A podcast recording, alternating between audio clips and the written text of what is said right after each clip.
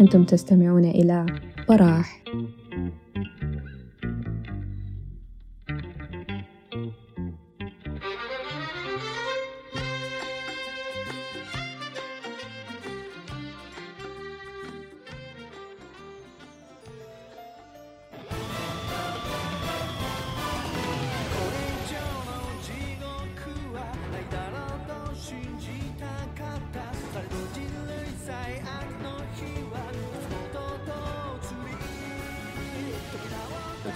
شباب آه بداية الجلسة قلنا حنبدأ بنبذة سريعة عن الأنمي قبل ما نخش في الأحداث بتاعت ال season الأول.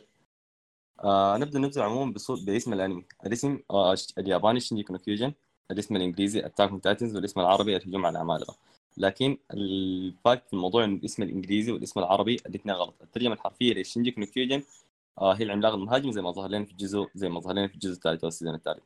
فكرة ال surviving أو نجاة البشرية من العوامل الطبيعية والكوارث وغيرها كثيرة في أعمال كثيرة لكن Attack برز في نصها بفرق كثير شديد من الباقيات والسلسلة حققت نجاح عالي شديد وخلقت قاعدة جماهيرية كبيرة. بالنسبة لأسلوب السرد المشوق والغامض والرسم والتحريك اللي كان عندها برضه جزء كبير ونصيب. ده كله كوم وال OST والموسيقى التصويرية كانت كوم تاني في الأنمي ده. فكان ممكن يكون عمل شبه كامل إذا ما كان خالي من الأخطاء. في كم حاجة أساسية من من الحياة اللي ساعدت في اشتهار القصة وبالنسبة لي أنا العامل الأول الغموض. من الحلقة الأولى أنت بتحس بالفضول وبتحس بالضياع. ده منو ليه بيحصل لهم كده. والحاصل ده أصلا بدأ كيف؟ مع نهاية كل حلقة أنت بتطلع بأسئلة كثيره لاجل لها تفسير. وبتستنى الحلقة اللي بعدها عشان تجاوب. لكن الحقيقة انه في الحلقة اللي بعدها حتجيك أسئلة أكثر عن الأسئلة اللي أنت كنت أصلا بعد بها الحلقة. العامل الثاني من عوامل نجاح القصة غير عامل الغموض. عندك آه التقديم الديستوبي للقصة. طيب مصطلح ديستوبي هو نقيض مصطلح يوتوبي. يعني بتعريفه هو المجتمع الفاسد أو المجتمع الدنس المليء بالخراب والظلام وكده. لكن الميز القصة دي في تقديم المت... في التقديم بتاع المجتمع ده هو إنه البشر ما هم سبب الفساد زي ما في كل الروايات والأحداث اللي بتحكي القصص بالطريقة دي. السبب هو العمالقة. لكن العمالقه دول هم ذاتهم هم عبارة عن إسقاطات للجشع والطمع وكل الصفات الكعبه في البل... في, في البشر وده بيرجعنا للنقطة الثالثه من عوامل نجاح الأنمي اللي هي الإسقاطات الواقعية للقصة. مع إنه اختلاف الأزمنة بين الواقع والأنمي في عصرنا الحالي إلا إنه في اسقاطات كبيرة شديدة من كل النواحي زي مثلا النظام الملكي المتبع لحد لحدي هسع واثره السلبي والإيجابي على المجتمعات وكثير من الاسقاطات السياسية اللي أنا ما حتطرق لها هسه نسبة لضيق الوقت لكن المدعمة بالأدلة في الأنمي. حتى الشخصيات الرئيسية ما طلعت من الموضوع ده وفي رسالة أو خفية أو hidden message في أي حاجة من أحداث الأنمي ده. لدرجه إنه أي frame في القصة أنت بتحس بإنه بإنه ال frame ده آه عنده عنده حاجة أساسية للقصة حيواصل معك لقدام. آه للوقت أنا حأدخل في ملخص أحداث ال season الأول بصوره بصورة مختصرة شديد عشان الزمن ما حيكفي لأنه أنا إذا جيت أتكلم عن الأنمي ده جلسة كاملة ما حتكفيني لي حلقة واحدة من الأنمي التفاصيل الموجودة فيه وعظمة العمل ده. نرجع لل season الأول. طيب Attack Titan season واحد. لمدة 100 سنة بيعيش آخر جزء بقى من البشر في سلام جوه الأسوار العالية اللي هي روز sorry بالترتيب بتاعها اللي هي. آه ماري وروز وسينا. الأسوار بطول 50 متر. كانت بتحمي البشرية من العمالقة وكان هدفها الثاني تقسيم الطبقات الاجتماعية بين البشر. يعني البشر في السور ده عندهم طبقة اجتماعية محددة. في السور ده عندهم طبقة اجتماعية أعلى منهم شوية لحد ما نوصل لغرب السور أو قرب سور سينا اللي هو السور اللي بيكون في ال center وفيه العائله الملكية والطبقة العالية من التجار والناس المهمين في الدولة. لحد عام 1000 آه sorry ما لحد عام 845 ظهر عدم عملاق ضخم. عملاق أكبر من الاسوار لاول مرة ودي كانت حاجة ما مألوفة. نسبة لأنه عمالقه أطوالهم بتتراوح ما بين 3 متر لغاية 20 متر. فظهر عملاق أضخم من الاسوار وكسر السور الأول اللي هو سور ماري. سور ماري هو السور اللي عايش فيه بطل قصتنا ايرين ييغر حنتعرف عليه بصورة بصورة أكبر وجميع تطورات شخصيته على مر القصة وفي الجلسة دي برضه إن شاء الله. تبدأ الحلقة الأولى. بتصور الحياة المسالمه داخل الأسوار. المسالمة ما بالضروري سعيدة لأنه الناس جوا الأسوار كانوا عايشين حياة مسالمة. نعم لكن كان فيها نوع من أنواع. الكبت للحريه واذلال لكرامه البشر لأنهم ما قادرين يطلعوا من الأسوار دي بسبب العدو الموجود برا.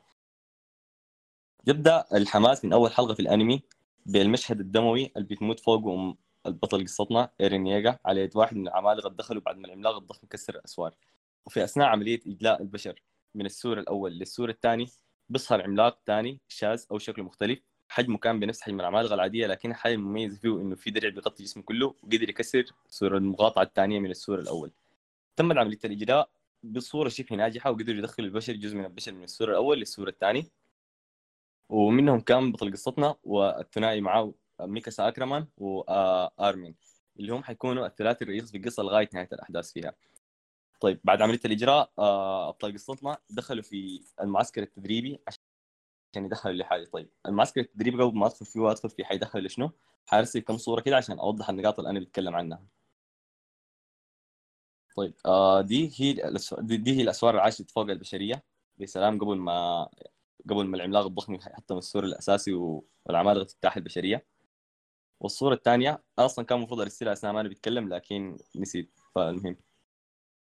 الصورة الت... الصورة الثانية هي صورة الترتيب بتاع الأسوار روز وسينا وماري. من الداخل للخارج بالترتيب الأساسي. نرجع ثاني للترتيب بتاع قصتنا أو ترتيب الأحداث من القصة من الجزء الأول. إحنا حتى الآن واقفين في الجزء الأول في الحلقات الأولى. بيدخل بطل قصتنا ومعاه آه، أخته بالتبني ميكاسا أكرمان وصديق طفولته أرمين للتدريب العسكري. التدريب العسكري هو شنو؟ هو تدريب بياخذوه البشر بيدخلهم لثلاثة تصنيفات اللي هم التصنيف الأول فيلغ الاستكشاف وده الناس اللي بيطلعوا بالأسوار ويواجهوا العمالقه عشان يطلعوا معلومات للبشرية وكده زي ما هو موضح في الصورة وده شعار الفيلق. طيب الفيلق الثاني هو الشرطة العسكرية. الشرطة العسكرية دي هي ممكن تقول كأنها من اسمها هي شرطة هي بتكون جوا جوا المدينة وشغلها حماية المدنيين وتنظيم شؤون الدولة. الفرقة الثالثة واللي هي آه، الفيلق الحرس وده هو اللي ما بيدخلوا إلا اللي بيكونوا متفوقين في التدريب العسكري أو بيكونوا العشر الأوائل فيهم. اللي هو صدف إنه بطل قصتنا واحد منهم لكن اختار إنه يكون في فيلغ الاستكشاف عشان ينتقم لأمه بما إنه حصلت له تروما في حياته خلته يحقد على العمالقة بصورة هستيرية. بتستمر أحداث القصة في الجزء الأول باختصار لحد ما بعد ما يتخرجوا ابطال قصتنا بيكونوا واقفين إيرين فوق السور بتاع المقاطعة اللي قاعد فوقها وبيظهر بعد خمس سنين نفس العملاق الضخم اللي حطم السور قبل خمس سنين وسبب دخول عمالقة قتل أمه. ظهر ثاني من عدم في اللحظة دي كانوا مستعدين أو على الأقل دي الحاجة كانوا هم متخيلينها. دخل وكسر كسر السور ودخلت العمالقه ثاني وبدت مجزرة فظيعة شديد وماتوا فوقها ماتوا فيها ماتوا فيها معظم أصحاب إيرين. وقرب يموت فيها ارمي صديق طفولته. لو ما إيرين ضحى بروحه واتبلع أو دخل في العملاق بدله آه دخل. دخل البشرية في اللحظه ديك في حالة من اليأس لحد ما ظهر عملاق غريب أو عملاق شاذ إذا صح وصفه وبدأ يهاجم في العمالقه الثانيين في ظاهره أول مرة تحصل لهم.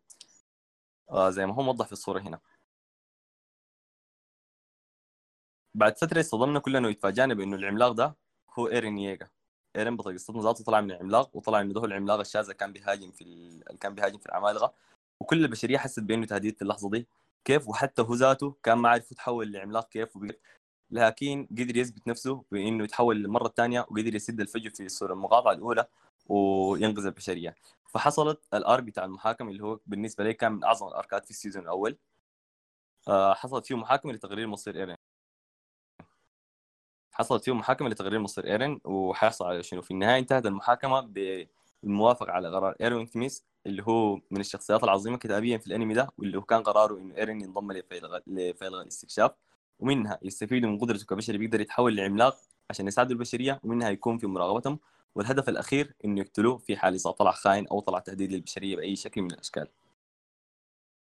بعد ذاك بعد بعد بعد انتصار البشرية بعد انتصار البشرية لأول مرة من مئات السنين آه قرر الفيلق إنه يستعيدوا مقاطعة شينغان شينغانشن اللي هي المقاطعة الأولى اللي مات فوقها اللي مات فيها أم إيرين ويعرفوا سر مفتاح القبو بتاع إيرين. فاتحركت اتحركوا في أطول arc في ال season الأول للمقاطعة عشان يستعيدوها أو sorry مقاطعة تروس. معلش يا شباب مقاطعة تروس. عشان يستعيدوا عشان يستعيدوا ال... عشان يستعيدوا قبو ويستعيدوا المقاطعة مرة واحدة. فبيهاجم عليهم عملاق. قريب وكان ظاهر إنه عملاق انثى لكن اللي بيميزه من باقي العمالقة إنه كان عنده وعي وإدراك كبير. بعد خطة من الغاية إيرمين ميس فشلت ومات عليها مات جراء كثير من كثير من أفراد الفيلق وحتى فرقة ليفاي الخاصة. إيرين بيتحول لعملاق وبيواجه العملاق الأنثى لكن بتمسح به البلاط وبتنتهي بإنه تختفوا آه بالمناسبة أحسب دي الخطة الأولى لإيرين احسبوا معي في كم خطة جاية لقدام. فبتختفوا لكن بيسترجعوا تاني بواسطة آه ميكاسا أكرمان وليفاي أكرمان. وبيرجعوا للسور بعد ذاك بيشكوا في آني ليون هارت اللي كانت واحدة من زملاء إيرين في التدريب وبتدخل للشرطة العسكرية. أو sorry للحرس الملكي. وبينصبوا لها كمين لكن الكمين ما بينجح وآني بتتحول وبتحصل مجزرة بين آني وإيرين المتحول في نص المدينة في نص الأسوار. وبيروح ضحيتها جزء, كبير شديد من البشرية. وهنا بينتهي ال season الأول بانتصار إيرين على آني وتحول آني لبلورة كريستالية ما قدروا ياخذوا منها أي معلومة لا خير لا شر. بينتهي ال season الأول في آخر لقطة لجزء من السور المتضرر من المعركة بيتكسر وبيظهر لنا فيه وش بتاع عملاق. بنخش في أحداث ال season الثاني بصورة أسرع من أحداث ال season الأول نسبة للزمن. يبدأ ال season الأول ب طيب ثانية واحدة بس معلش يا شباب. طيب الموسم الثاني. بنرجع 12 ساعة لورا من آخر أحداث في الجزء الأول. عند جنوب سور سينا في مجموعة من الجنود من بينهم راينر بيرتورتو ساشا كوني يومير وكريستا. ده كلهم كانوا زملاء. كلهم كانوا زملاء إيرين في الفترة بتاعت التدريب. ال OST ات يا مازنجر حيطلع على امال ال OST ات بتاعت الأنمي كلها لأنها هي بالمناسبة واحدة من العوامل الأساسية للقصة واحدة من الحاجات اللي أدت القصة النكهة المميزة اللي فيها حاليا. رجعت الأحداث الجزء الثاني في جنوب سور في جنوب سور سينا قبل 12 ساعة من الأحداث الأخيرة في الجزء الأول بيجيب لنا الأحداث اللي كانت حاصلة في الفترة دي شنو؟ كنا مجموعة من الجنود من بينهم راينر برتوتو وساشا وكوني يومير وكريستا شافوا مجموعة من العمالقة جوا السور. مع إنه ده كان سور سينا وما كان في أي انباء انه السور ده اتكسر أو حصل له أي هجوم. فانتشر فبدوا ينتشر عشان ينشروا خبر سقوط سقوط السور. ميكي كان قاعد الفرقة اللي هم كانوا قاعدين فيها قاعد عشان يأخر عمالقه مسافه الفرقة آه تقدر توصل الخبر. لكن حصل إنه ميكي شاف أول صدمة وشفنا كلنا أول ظهور للعملاق القرد أو ال Beast Titan أو العملاق الوحش على حسب التسمية اللي تسمى له. وكانت المفاجأة إنه كان أول عملاق بيقدر يتكلم وعنده وعي وعنده سيطره على باقي العمالقه واسرار وكان ده سر كبير في اللحظة دي كنا منتظرين لحد ما نعرف لحد ما نكتشف لين لحد ما نكتشف إنه أكثر في الجزء الثالث ال part الأول. طيب بنرجع كذبة للوقت لاصحابنا كانوا قاعدين في المعسكر. بعد ما يتحركوا عشان يحذروا باقي القرى بيصل كوني لقريه بيلقى فيها بيلقى فيها آه دم الدمار. ما بيلقى سكان الناس اللي كانوا قاعدين فيها لكن بيلقوا عملاق تحول غير مكتمل. سم هاو العملاق ده بيذكر كوني بأمه عندها نفس لون عيونه وكانت قاعدة فوق بيتهم. فقبل ما يطلع العملاق ده بيتكلم بيقول لي كوني انت دايما أو هي بالمعنى حرفي welcome back آه قبال ما كوني يدي اي reaction فعلي للموقف اللي حصل بيجي راينر بيقاطعه. وحنعرف المقاطعة دي سبب شنو برضه لقدام. وبيقول له إن أنت تتخيل وأنت بتتفهم وتتحرك فهسه حاليا بنأكد إنه العمالقه ما هاجموا القريه دي لأنه حتى الحصين ما تحرك من محلها. فالسبب شنو؟ حصلت الحاجة دي كيف؟ بيتحركوا الشباب كلهم ناس وساشا ديل عشان يفتشوا الفتحة في السور وبيلقوا لهم قلعة عشان يرتاحوا فيها فترة بسيطة. الحدث المهم أو الأحداث المهمة اللي حصلت في القصة دي كان في حاجات كثيرة حصلت في النص أنا عملت ثلاثة خطة عشان أصل النقاط المهمة بس كسب اللي وقتكم واللي عشان ما نطول زمن الجلسة. إنه العمالقة بيهاجموا القلعة اللي كانوا قاعدين فيها الشباب ديل وبتتحول كريستا أو صع... اللي هي صاحبة هيستوريا. out of nowhere بتتحول لعملاق وبنكتشف إنها واحد من العمالقه المتحولين وبتصاب في المعركة دي لكن ما تموت. نرجع تاني لشنو؟ الأحداث بعد نهاية الجزء الأول. الجزء الثاني بدأ بالحاجات دي بدون ما يورينا حصل شنو في المدينة حصل شنو في القتال وحصل شنو. بيرجع لنا تاني في الأحداث عشان يفسر لنا النقاط اللي كان خدتيها وإحنا ما كنا فاهمينها في رجعته بيجيب لنا العملاق اللي ظهر في السور ده وهو شنو؟ وإحنا ما عارفين أي حاجة بيظهر القسيس نيك اللي هو كان ممثل الكنيسة في الجزء ده. الكنيسة عندها دور أساسي وأصيل في القصة. حنتطرق عليه برضه حنعرف أكثر اللي قدام بيظهر نيك وبيحذر هانجي اللي هي نائب قائد الفيلق إنه لازم تغطي الوش ده قبل ما الشمس تصحى عليه. وكذا بنكتشف إنه الكنيسة عندها معلومات وعندها دور مهم في قصة العمالقه لكن ما يستوريه بكل الطرق حاولت هانجي إنها تقنع نيك إنه يتكلم لكن ما تكلم وقال لهم إنه أنا ما ح... لا أنا ولا أي فرد من أفراد الكنيسة بعد emotional blackmail وضغط شديد قال لهم لا أنا لا أي واحد من أفراد الكنيسة حيقدر يوريكم أي معلومة. إذا عايز تعرفوا أي حاجة امشي الهستوريا الهستوريا اللي منه اللي هي كريستا. هستوريا مكتشف بأنها ذات دم ملكي. يعني هي من العائلة الملكية من الأسرة المالكة. أيوه آه وصلنا كده بربط أحداث بين الجزء الأول والجزء الثاني وبقت عندنا صورة شبه كاملة اللي حصل في الفترة الزمنية اللي كان فيها بين السرد الأول للجزء الثاني ونهاية الجزء الأول.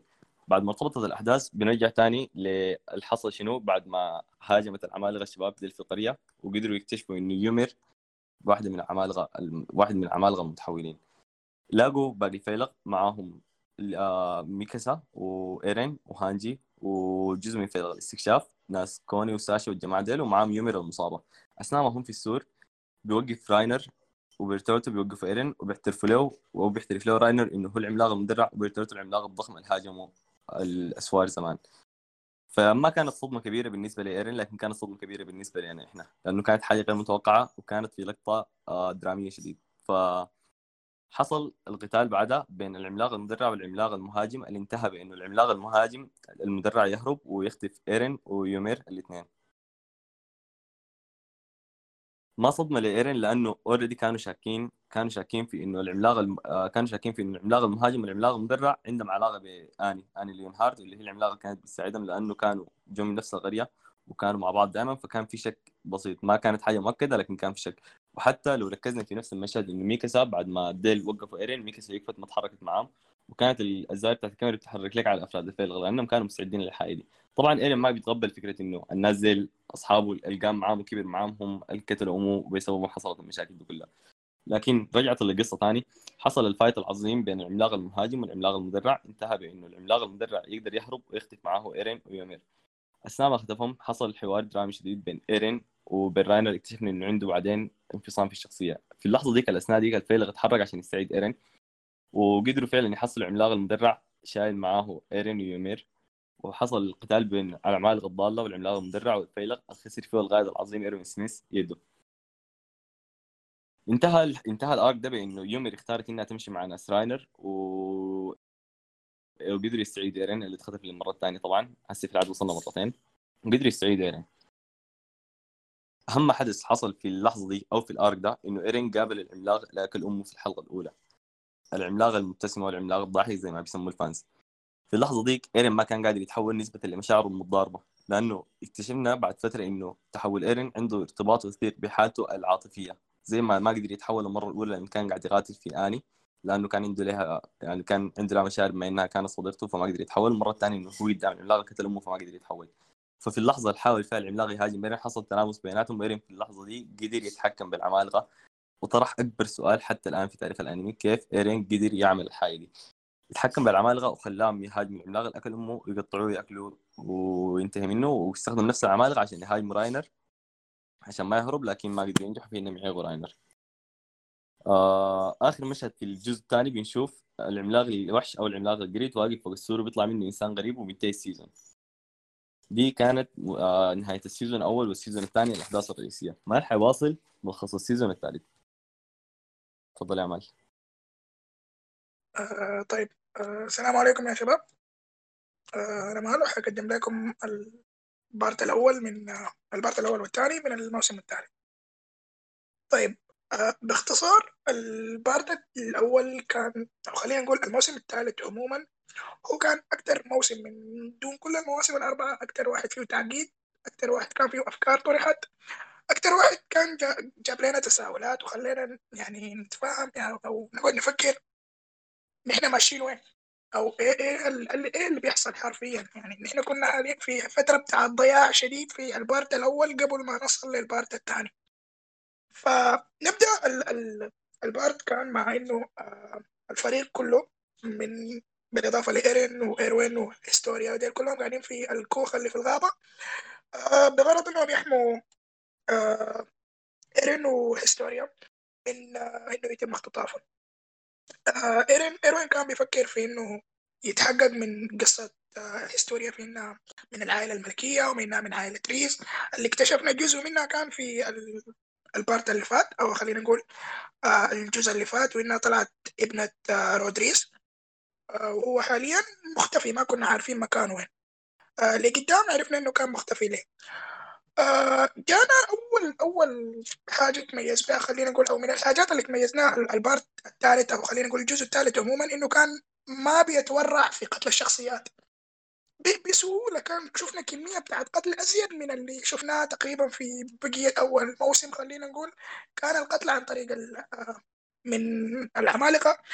ال part الثالث لا لقينا إنه الموضوع بقى أكثر منطقية بدل ما إنه يكون عمالقة مجرد إنها بتأكل بشر لا لقينا إنه في بشر بيقتلوا بشر لأسباب في بداية إحنا ما كنا متقبلينها بعد ذاك تقبلناها عادي مشينا لقينا إنه ضرورات ونحن محتاجينها.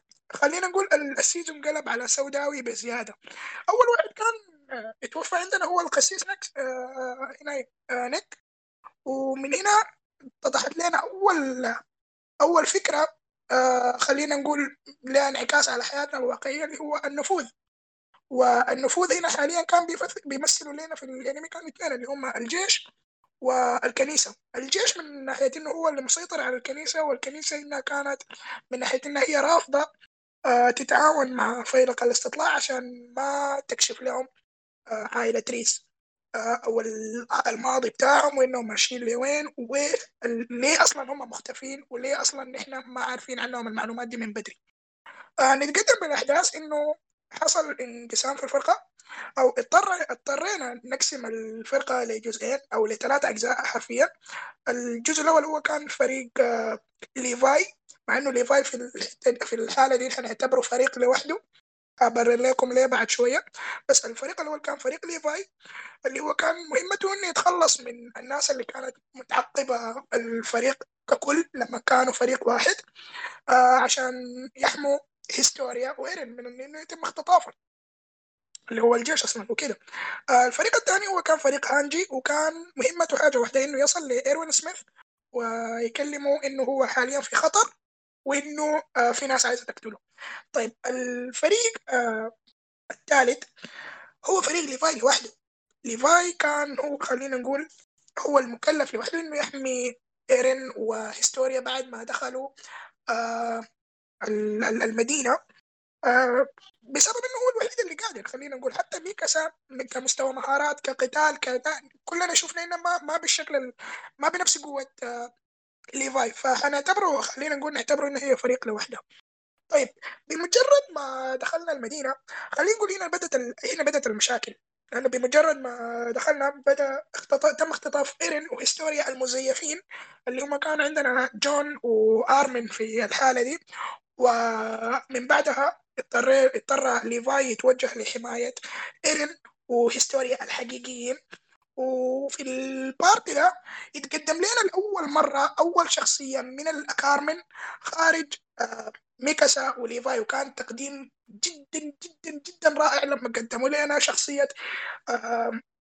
كيني أكرمن واللي هو في الحقيقة كيني أكرمن ده يطلع آه خال ليفاي للناس اللي ما عارفة حرفيا يعتبر خاله طوالي آه كان هو عبارة كيني هو عبارة عن مرتزق. مأجراه الحكومة ومأجره شخصي آه بالتحديد رود ريز.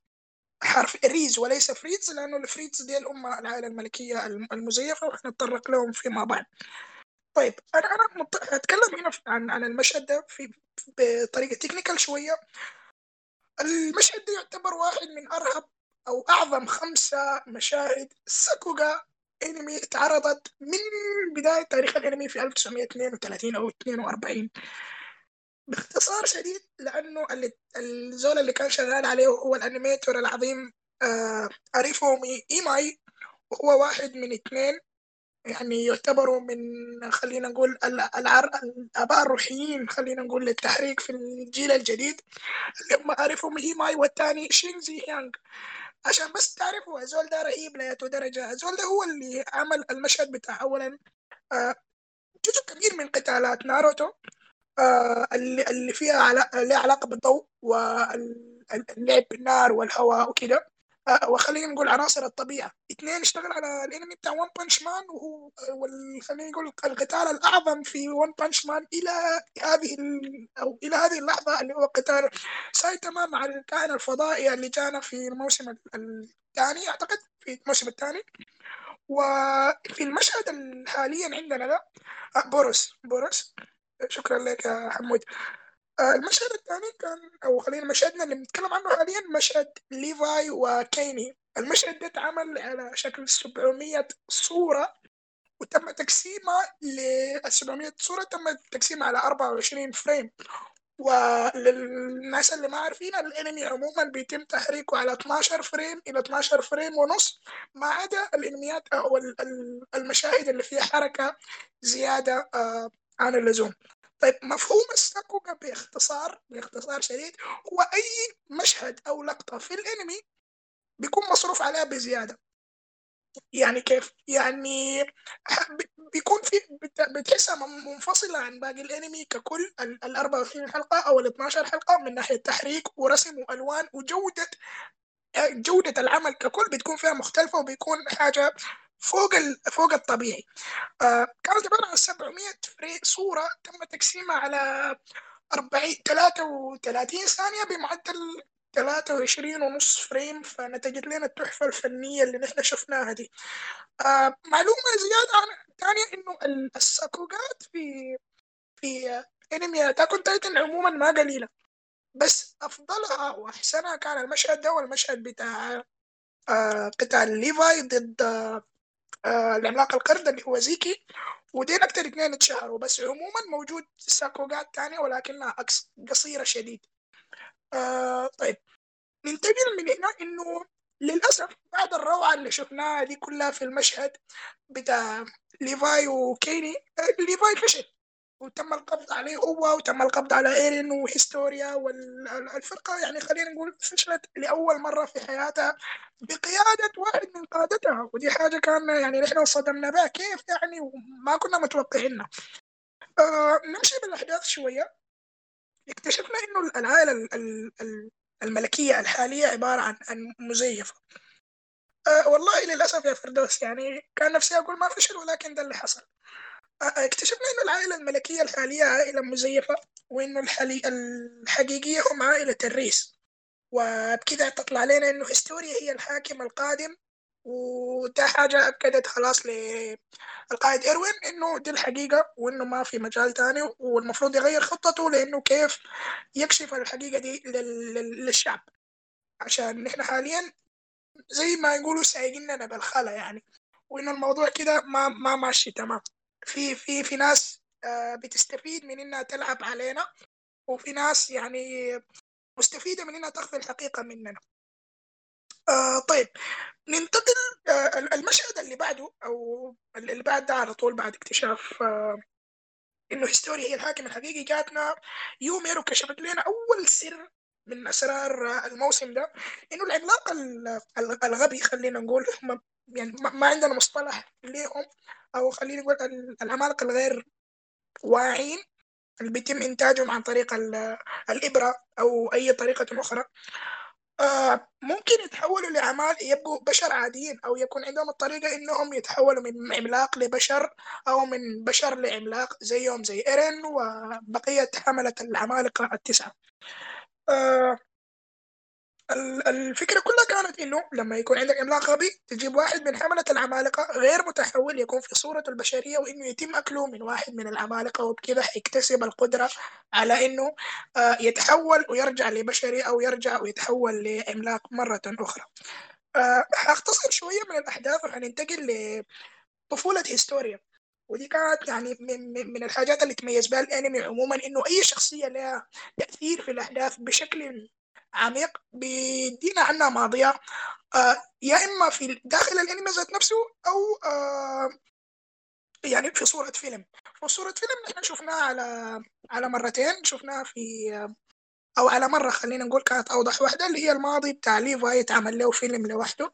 بعدك عندنا الماضي بتاع آه إيرين لوحده عندنا الماضي بتاع ميكاسا لوحدها. دي كلها توضحت لنا على طول الانمي ودي من الحاجات اللي ميزت الانمي شديد. مع إنه في بعض الأحيان كان يعني بيخت مشاهد ما لها لازمة بتطول من الموضوع. ما استفدنا منها لقدام ودي يعني نحن كمحبين للعمل وكده ما ما كنا مرتاحين ونحن بنشوفها أو ما لقينا لها تفسير لقدام. طيب آه، نرجع لهيستوريا. هيستوريا لقينا إنه ما عندها أي علاقة مع أمها الحقيقية مع إنها كانت قاعدة معاها في نفس المزرعة. كانت في يعني أنت متخيل آه، إنك تكون قاعد مع أمك يوميا بتشوفها بتتكلم معاها بتاع بس ما في أي علاقة ما بينكم ما ما ما بترد عليك ما بتتكلم معاك ما أي حاجة دائما قاعدة بعيد منك. آه ده بيودينا لنقطة كنت حابب أذكرها في البداية اللي هو الأنمي بيتميز بأنه أو خلينا نقول من الأفكار اللي عرضها لنا الأنمي إنه الغاية تبرر الوسيلة تبرر الهدف تبرر التعامل. التعامل ما بين الشخصيات ذات نفسه أحيانا بيكون مبرر الهدف النهائي. طيب آه نرجع لهستوريا مرة ثانية إنه آه في يوم من الأيام كده بدون مقدمات اكتشفنا إنه بعد ما كانت الأم قاعدة معاها في المزرعة اختفت. حرفيا اختفت والكاتب ما قال لنا ليه اختفت. آه وجات راجعة بعد يوم واحد أو في نفس اليوم بتاع هجوم الهجوم على سور ماريا اللي هو كان في الحلقة الأولى. آه ظهرت هي ورودريز دي كان أول مرة نشوف رودريز بهيئته الكاملة كده ونشوفه الشخصية دي تتوضح لنا إنه ده أبو هيستوريا وإنه ده الزول اللي من العائلة القديمة وكلام القصة الطويلة دي. آه بس جاتنا الصدمة إنه وهم طال ودي كانت من يعني آه خلينا نقول آه كارتباط عاطفي. نحن مع الشخصية الناس تأثرت شديد بإنه أنت كيف تقتل أم شخصية قدامها للمرة الثانية على التوالي. مرة عن طريق بشر ومرة عن طريق عملاق. يعني الأولى كنا نقول ما فيها مبرر والثانية برضو ما لقينا لها مبرر. الحصل إنه أثناء مغادرة أثناء مغادرة الأم والأب وهيستوريا للمب... للبيت اللي كانوا عايشين فيه أو للمزرعة رودريز أمر رجاله بإنه يقتلوا أم هيستوريا قدامه.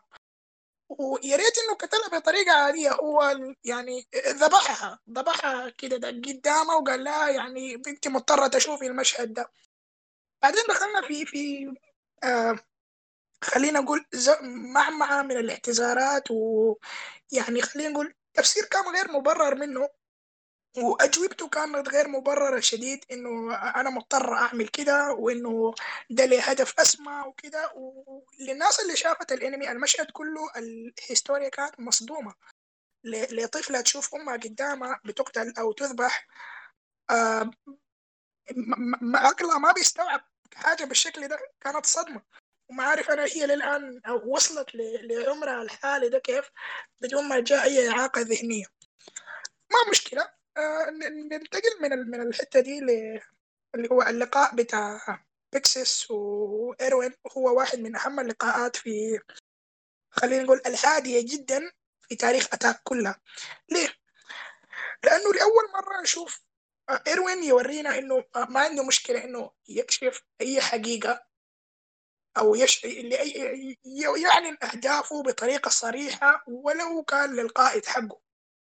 دي من المرات القليلة إنه نشوف الزول ده كده بكل بكل صراحة بكل عدم خوف بيقول لأي لزول أكبر منه رتبة دي أهدافي كيت وكيت وكيت وكيت وكان اللقاء على الشكل الثاني إنه آه سأل إيروين قال له أنت نواياك شنو؟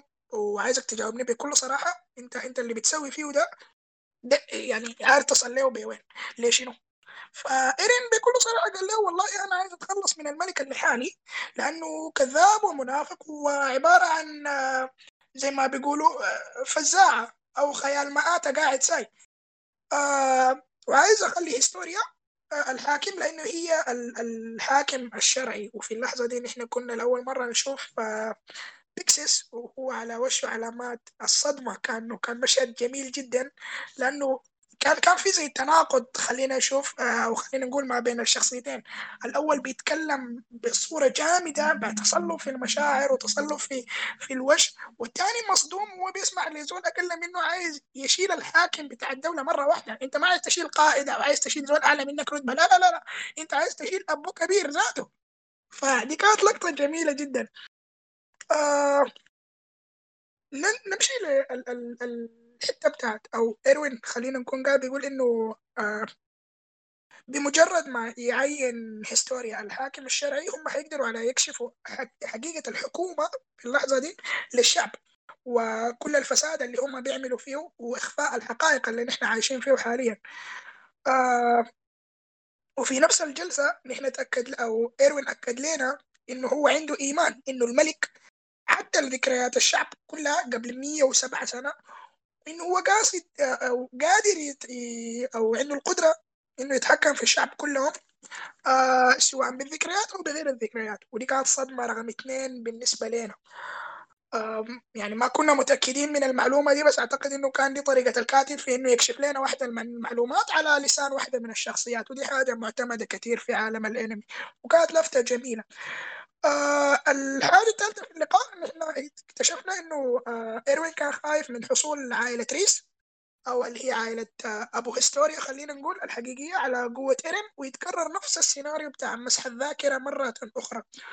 و بدون أي مقدمات آه بيكسيس وافق انه بيكسيس زول من الجيش وانه دي حاجة المفروض بتعارض اصول الجيش والاوامر والتراتبيه والسياسات و و بكل بساطه وافق ما تعرف هنا هل هل بسبب يعني انه اقتنع ولا بسبب قوه ايرين ذات ايروين ذات نفسه أو آه اعتقد عن نفسي اعتقد انه ده قوه ايروين في, في الاقناع يعني ايساياما لما كتب الشخصيه دي ما, ما أعتقد خلى فيها عيب إلا إلا بعض العيوب اللي قدام ممكن نذكرها بس إلى هذا المشهد نحن شايفين إنه هو القائد العظيم القائد اللي يعني ما شاء الله نحن keep going يا فرد keep going نحن عايزينك كده. بينتهي المشهد بطريقة كانت استغربناها شوية إنه بيجي واحد من الجنود داخل الغرفة بيقول للقائد إيروين إنه أنت مطلوب للعدالة العدالة بتهمة إنك بتهمة القتل. و إيرين بكل بساطة قال له أوكي ما في مشكلة أنا حامشي معاك ما دام أنا أنا زول بنطاع للأوامر وإنه دي حاجة رسمية وكده وأنا ما زول بخاف. آه ما حهرب حامشي معاك. وفي نفس اللحظة بيقوم يأتمن هانجي على إنه يكمل المهمة بتاعت إنه يكشف تكشف الأسرار وكده. آه وكان يعني مرة أو للمرة الثانية يعني أيسيامي بيورينا إنه زول ده شجاع لياته درجة. آه نختصر شوية من الأحداث ونصل لإنه إيروين وصل لقاعة الملك وإنه وصل للملك هو وبيكسيس والمستشارين بتاعون الملك كلهم مرة واحدة كلهم كانوا مجتمعين وكانوا منتظرين بس الأمر بتاع الملك إنه آه يا فردة خلاص نحن حنعدم آه إيروين.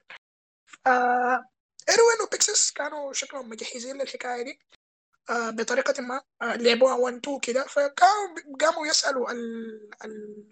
المستشارين شوية أسئلة عشان يوقعهم في شر أعمالهم. فاللي حصل باختصار إنه المستشارين أقروا بعد أسئلة قدام الملك إنهم مستعدين للتخلص من كل المدنيين اللي موجودين في المدينة بس عشان يحافظوا على مناصبهم وعلى سلطتهم وعلى إنهم آه ويكونوا هم المتحكمين الأول والأخير في المدينة وفي الحقيقة وفي كل في الشرطة وفي الجيش. وطبعا يعني اعتراف زي ده يعتبر خيانة للوطن.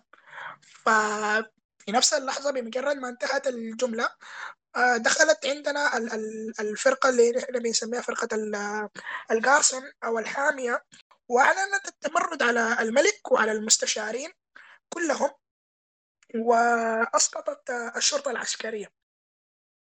آه إيه نمشي بالأحداث شوية. انتشر الخبر بتاع إنه الملك محتال وإنه كذاب. بعد آه بعد ما خلاص فضحوهم آه وإنه تم التمرد وإنه العرش حاليا خالي. آه لكن بقت مشكلتنا واحدة إنه كل اللي حصل ده إلى هذه اللحظة بلا معنى لأنه رودريس حيحصل على قوة إيرين وممكن في أي لحظة يمحي كل ذاكرة الناس دي كلها بجرة قلم. انتهى الموضوع. فإذا ما تم التدخل وإنقاذ إيرين وهيستوريا من رودريس اللي هو مهتم في البداية قلنا إنه كيني هزمهم. ما ما حنقدر ما حنقدر نفوز. نمشي بالأحداث شوية. هو تقريبا قربنا ننتهي. إيرين جوا الكهف الكريستالي كان. آه بدون خوض في التفاصيل بتاع إنه كيف الذكريات ومن الذكريات جاب لنا المشهد بتاع إنه آه إيرين آه واقفين وراه أبوه آه أبو هيستوريا اللي هو رود وهيستوريا ذات نفسها.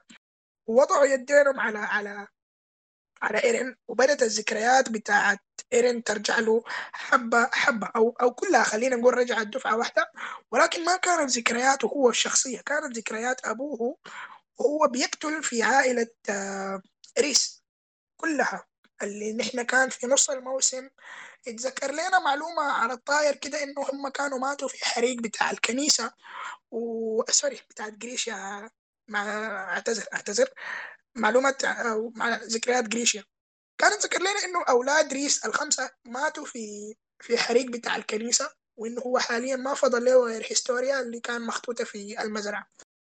لما جينا نشوف الذكريات آه للأسف طلع إنه جريشيا هو اللي قتل الناس دي كلها هو اللي قتل كل العائلة بما فيهم الحامل أو الزولة اللي كانت حاملة للعملاق المؤسس وهي أخت هيستوريا الكبيرة واسمها فريدا.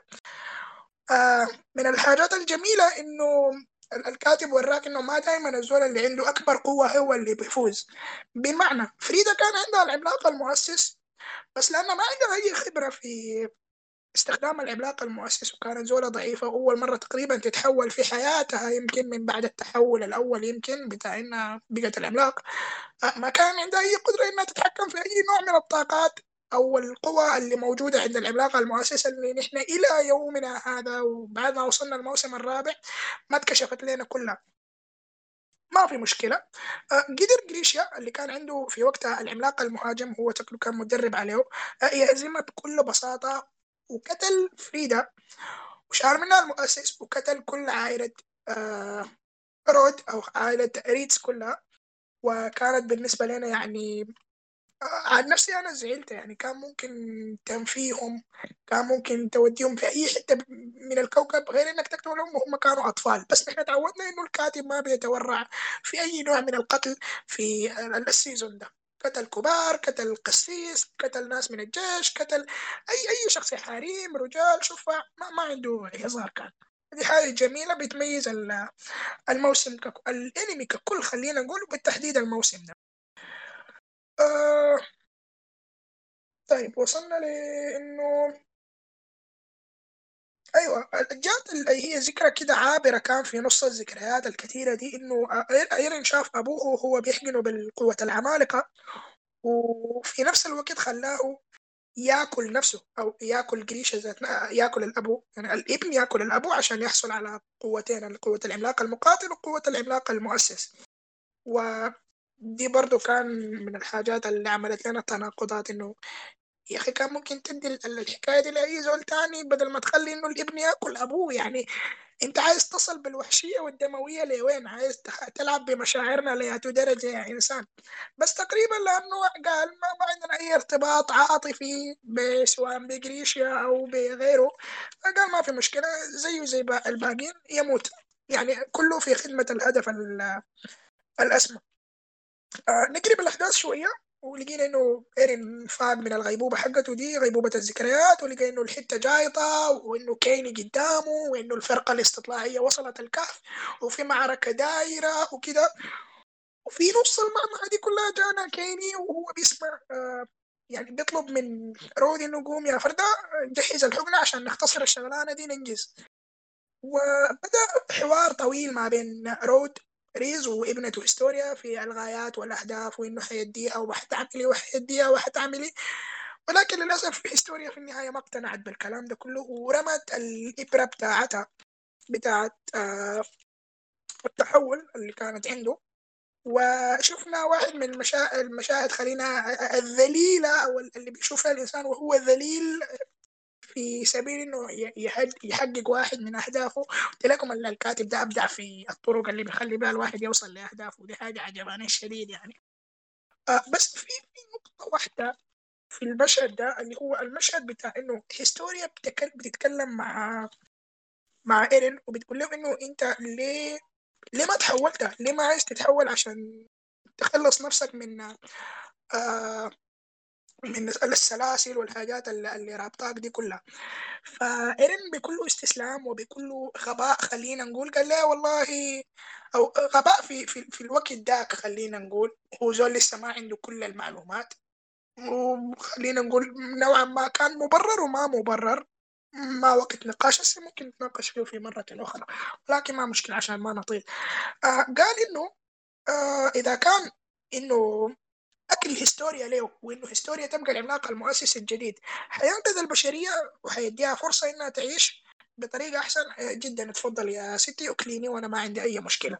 يعني خلينا نقول تضحية بالنفس يعني. و ما ما اقتنعنا نحن في وقتها. ودي من الأيام الفترات اللي نحن كنا بنقول عليها إيرين شخصية ضعيفة إيرين شخصية مهزوزة بكاية وكل الألفاظ دي كانت بتتجلى في المشهد ذاك وهو بي بيستسلم بكل برود.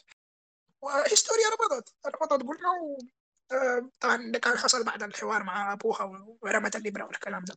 طيب آه، رود ريس بعد المشهد الذليل بتاعه هو بيلحس المصل وأنا يعني أعتذر على الكلمة بس هو حرفيا كان واقع على الأرض بيلحس في المصل بتاع العمالقة. ولا ما راقد. الهستوريا راقد على الأرض. راقد على الأرض يا جماعة. وكان بيلحس في المصل بتاع العمالقة وفجأة تحول لعملاق. آه يعني هو أكبر شيء نحن شفناه في الأنمي منذ بدايته سواء حتى أكبر من العمالقة بتاعون الأسوار اللي جو في أول موسم وأول sorry العمالقة اللي جو برا الأسوار لأنه عمالقة الأسوار ديل ناس تانيين برضو. آه وبدت ال... ال... خلينا نقول المطاردة بتاعت فرقة الكشافة أو فرقة الاستطلاع بأنهم كيف يصلوا أو كيف يمنعوا العملاق الكبير ده والعملاق الضخم المشوه من إنه يصل للأسوار وإنه يدمرها بس للأسف ما كانوا قادرين لأنه العملاق كان حار جدا وبي بيم كده بيفيض بحرارة وينبع حرارة وكل الكلمات التي ترمز إلى الانفجارات. آه نقدم الأحداث شوية. آه بعد الانفجار شفنا مشهد كان جميل جدا. آه يعني خلينا نقول كيني كان مع ليفاي. وبدل ما ليفاي يقتله بكل بساطة كده كان في لحظة من الصفا والسلام وقمة الاستسلام شفناه إنه كي... كيني هو مستسلم تماما وبيقول في حقائق حقيقة ورا الثانية حقيقة ورا الثانية كلام نابع من القلب لليفاي.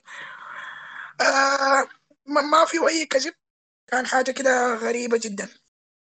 ما تعودنا عليها في ال... في الانمي خصوصا في وسط معمعة من الأحداث بالشكل الغريب اللي إحنا كنا شايفينه. آه نرجع للفرقة الاستطلاعية وكان بعد للأسف وصل العملاق بتاع رود رود ريس للأسوار وكان حيدمرها. وشفناه طبعا بشكله الخالي من الوجه ده أو وجهه المسحول لأنه كان بيزحف على الأرض. رود ريس بعد ما وصل للسور الفرقة كانت آه، بتحاول تلقى طريقة إنه آه، تقتله أو تصل لرقبته بدون ما إنه يقربوا منه هم شخصيا بس للأسف ما كان في طريقة عملية. ولكن طلعت يعني ما ما في طريقة بسبب الحرارة العالية. فجو بفكرة إنه بدل ما يقطعوا الرقبة اللي هي المنطقة اللي نحن كلنا من بداية ال season ال season الأول عرفنا إنه خلاص لازم يقطعوا الرقبة عشان يتخلصوا من العملاق قالوا لنا نفجره. نفجر الرقبة ككل. آه وفعلا. آه حبيبنا إيرين شال كيس كبير مليان من المتفجرات والديناميت وكل أنواع الحاجات اللي ممكن تقول بوف في الحياة. ورماه جوا خلينا نقول جمجمة رود ريس لأنه ما كان عنده خشم physically. آه وفعلا نجحوا في إنه يفجروا رود ريس. آه للمرة الثانية بنشوف مشهد فيه الأب والابن يعني والتوجه غريب من الكاتب للمرأة. يعني أنا خلاص كده اقتنعت إنه الكاتب عنده علاقة ما بين أي أب وابن لازم فيهم واحد يقتل الثاني.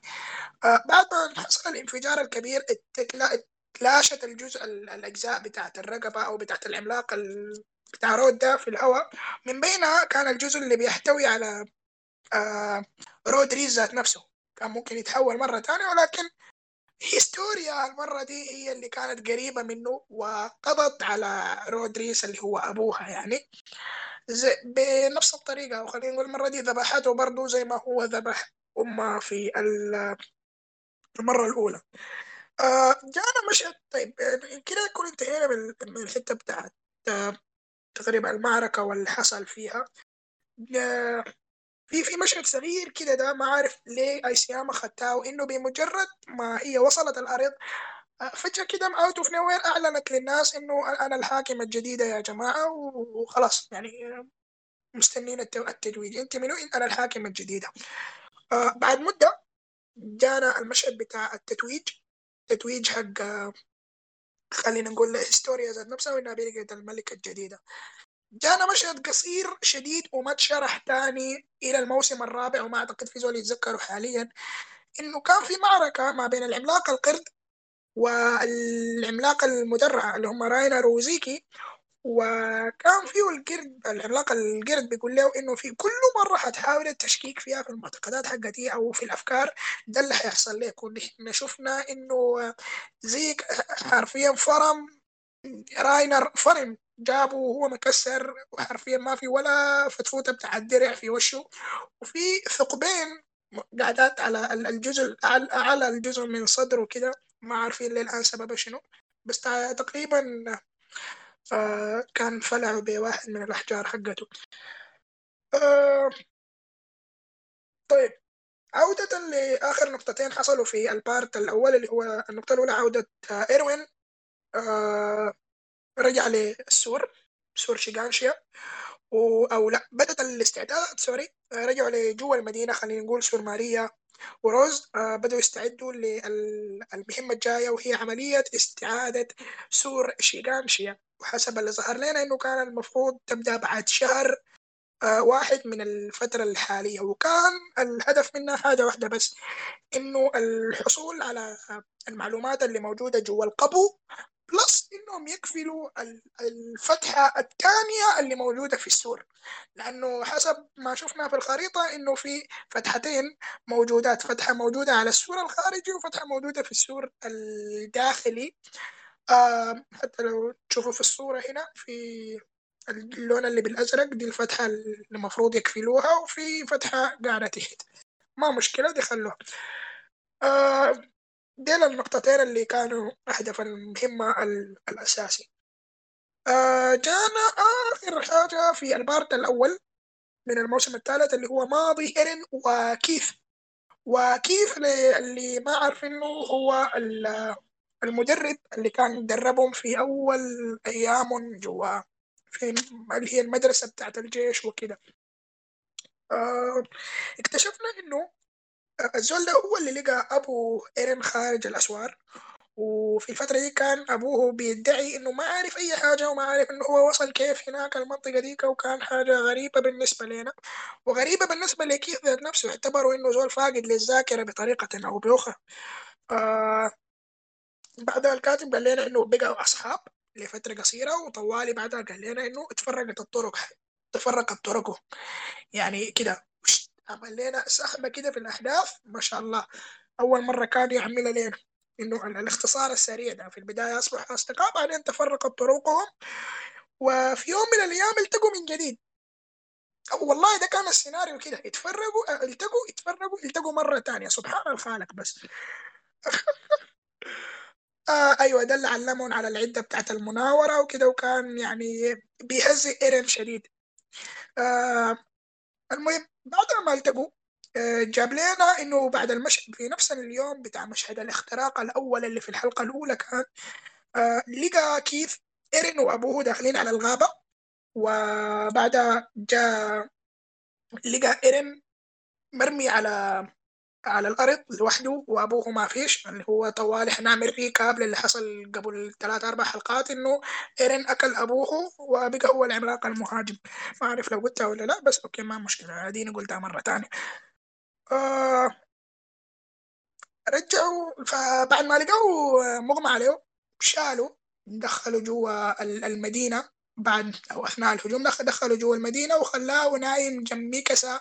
وآرمن ودي كان أول مرة المفروض إنه الثلاثه ديل يتقابلوا كده مع بعض على ما أعتقد. آه، أو أو لا sorry دي المرة ال...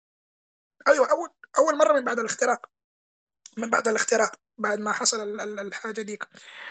طيب آه، آخر نقطة في ال part الأول اللي هو الكل بدأ التحليل وإنه كيف آه، أبو ايرن جاء من برا الأسوار وإنه يعني يكونوا منتظرين يلقوا حقيقة ما من من كيث ولكن كيث ما أداهم. يعني قال لهم ده اللي عندي حاليا وفعلا كيث ما بيدوا حاجة غير إنه شالهم ورجعهم تاني.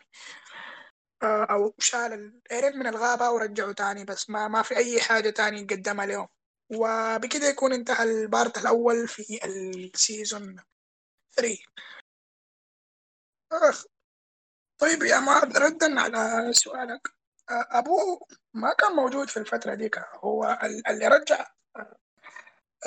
خلينا نقول إيرين اللي جوا هو نفسه كيف؟ لأنه إيرين كان أكل أبوه وانتهى وخلاص بقى عنده القدرة بتاعت العملاق لأنه أبوه اداه الحقنة فقام يتحول لعملاق غبي فقام أكل أبوه اللي هو عنده العملاق المحارب والعملاق المؤسس في لحظته. عشان كده بقى عنده ال point دي بقى عنده القوة بتاعت آه، العملاقين مع بعض. طيب. بالضبط. أيوه. كيث لقى إيرين مرمي في الغابة؟ طيب. آه نخش في ال part الثاني من الجزء الثالث وده part قصير. شرحا هو part قصير جدا. ليه؟ لأنه كان أغلبه عبارة عن المعركة الحماسية الدموية اللي حصلت فيها. وأنا بسميه ال part بتاع الأجوبة الكاملة ليه لأنه نحن في ال part الأول كان أكثر حاجة عندنا عايزين نعرف آه يعني الموضوع كبر مننا شديد بقى أكبر من عمالقة وبشر وإنه ليه العمالقة بتاكل البشر وكمية الأسئلة والأسرار الرهيبة والحقائق اللي اتكشفت قدامنا في ال part الأول ال part الثاني عبارة عن أجوبة بس لكل. لكل الأسئلة اللي طرحت عندنا في. في ال part الأول آه الموضوع بقى ما مجرد شكله في الفاضي طيب. آه حرفيا أنا أنا ما أعرف أبدأ شرح ال part ده كيف لأنه يعني أفضل إنه الكل أو أتمنى إنه الكل يمشي يشوفه at least أول الحلقات بتاعت بتاعت المعركة لأنه المعركة ما بتتوصف بالكلمات. الصراحة من جمالها يعني سواء كتكتيك كاستراتيجية كتقسيم لل... للأدوار ل... لأي حاجة. إيروين يعني أو إيروين والفريق ورونا يعني شنو team work يعني شنو قائد يعني شنو كل حاجة يعني شنو معركة. باختصار يعني شنو معركة قدامك كانت كده على طبق. اتفضل. انت قاعد مشدود كل الحلقات عايز تعرف يعني شنو أو إيه حينتهي الموضوع ده كيف. كنا مشدودين على أعصابنا. طيب. آه آه نبدأ. الفيلم وصل للمقاطعة وتفرقوا حول السور طبعا بعد ما قلنا إنه بعد شهر طبعا من من مرور البارت الأول. مرة شهر وهم وصلوا خلاص جابوهم لنا إنه اختصروا لنا الشهر ده كله. ودي المرة الثانية اللي يعمل لنا فيها آه اسمه منه إيساياما skip أو يعني time skip في في الانمي بصورة واضحة كده ده تكون قدامنا. آه وصلوا لل... لل... للسور والجميع توزع على سور وتفرقوا والعدو بقى أو خلينا نقول العمالقة الباقيين ناس راينر والقرد بقوا ما عارفين. آه إيرين ياتو واحد إيرين في ياتو جهه الهجوم حيجيهم بياتو جهه أعتقد كلهم كانوا فاكرين إنه الناس دي حتخش من الباب الرئيسي وهاتكم يا مدعكة. الشغلانة حتقلب ضرب ضرب ضرب ضرب ما فيش شتيمة. ولكن يعني إيروين أكبر من كده يا جماعة إيروين أكبر من كده بكثير ففعلا آه الجميع نزل في حركة أو خلينا نقول في مشهد درامي أو خلينا نقول في مشهد حركي جميل جدا. الكل الكل بيتحرك في كل الاتجاهات الكل بيستخدم الأجهزة بتاعت التحليق والعدة المناورة إلى أن قدر آه، إيرين يصل للفتحة ويستخدم القوة الجديدة اللي اكتسبها في الكهف. دي معلومة ما ذكرتها بس اختصارا للوقت. آه، القوة الجديدة بتاعت التسلط وبالمناسبة دي كان فتحت لنا باب تاني. هل آه، قدرات العمالقة مكتسبة؟ يعني أو ممكن تجي بطريقة خارجية ولا هي بتجي كده من العملاق منه من نفسه؟ آه، دي سؤال لسه ما تمت إجابته. آه في واحد كان سألني قبل فترة برضو هل العملاق المحارب بيطلع نار وكده زي ما شفناه في الجزء الأول؟ آه ما مشكلة يا شباب ما مشكلة. أنا بتكلم على أساس إنه أنا في البارت الثالث فعشان كده بقول إنه نحن ما تمت الإجابة على لكن عارف.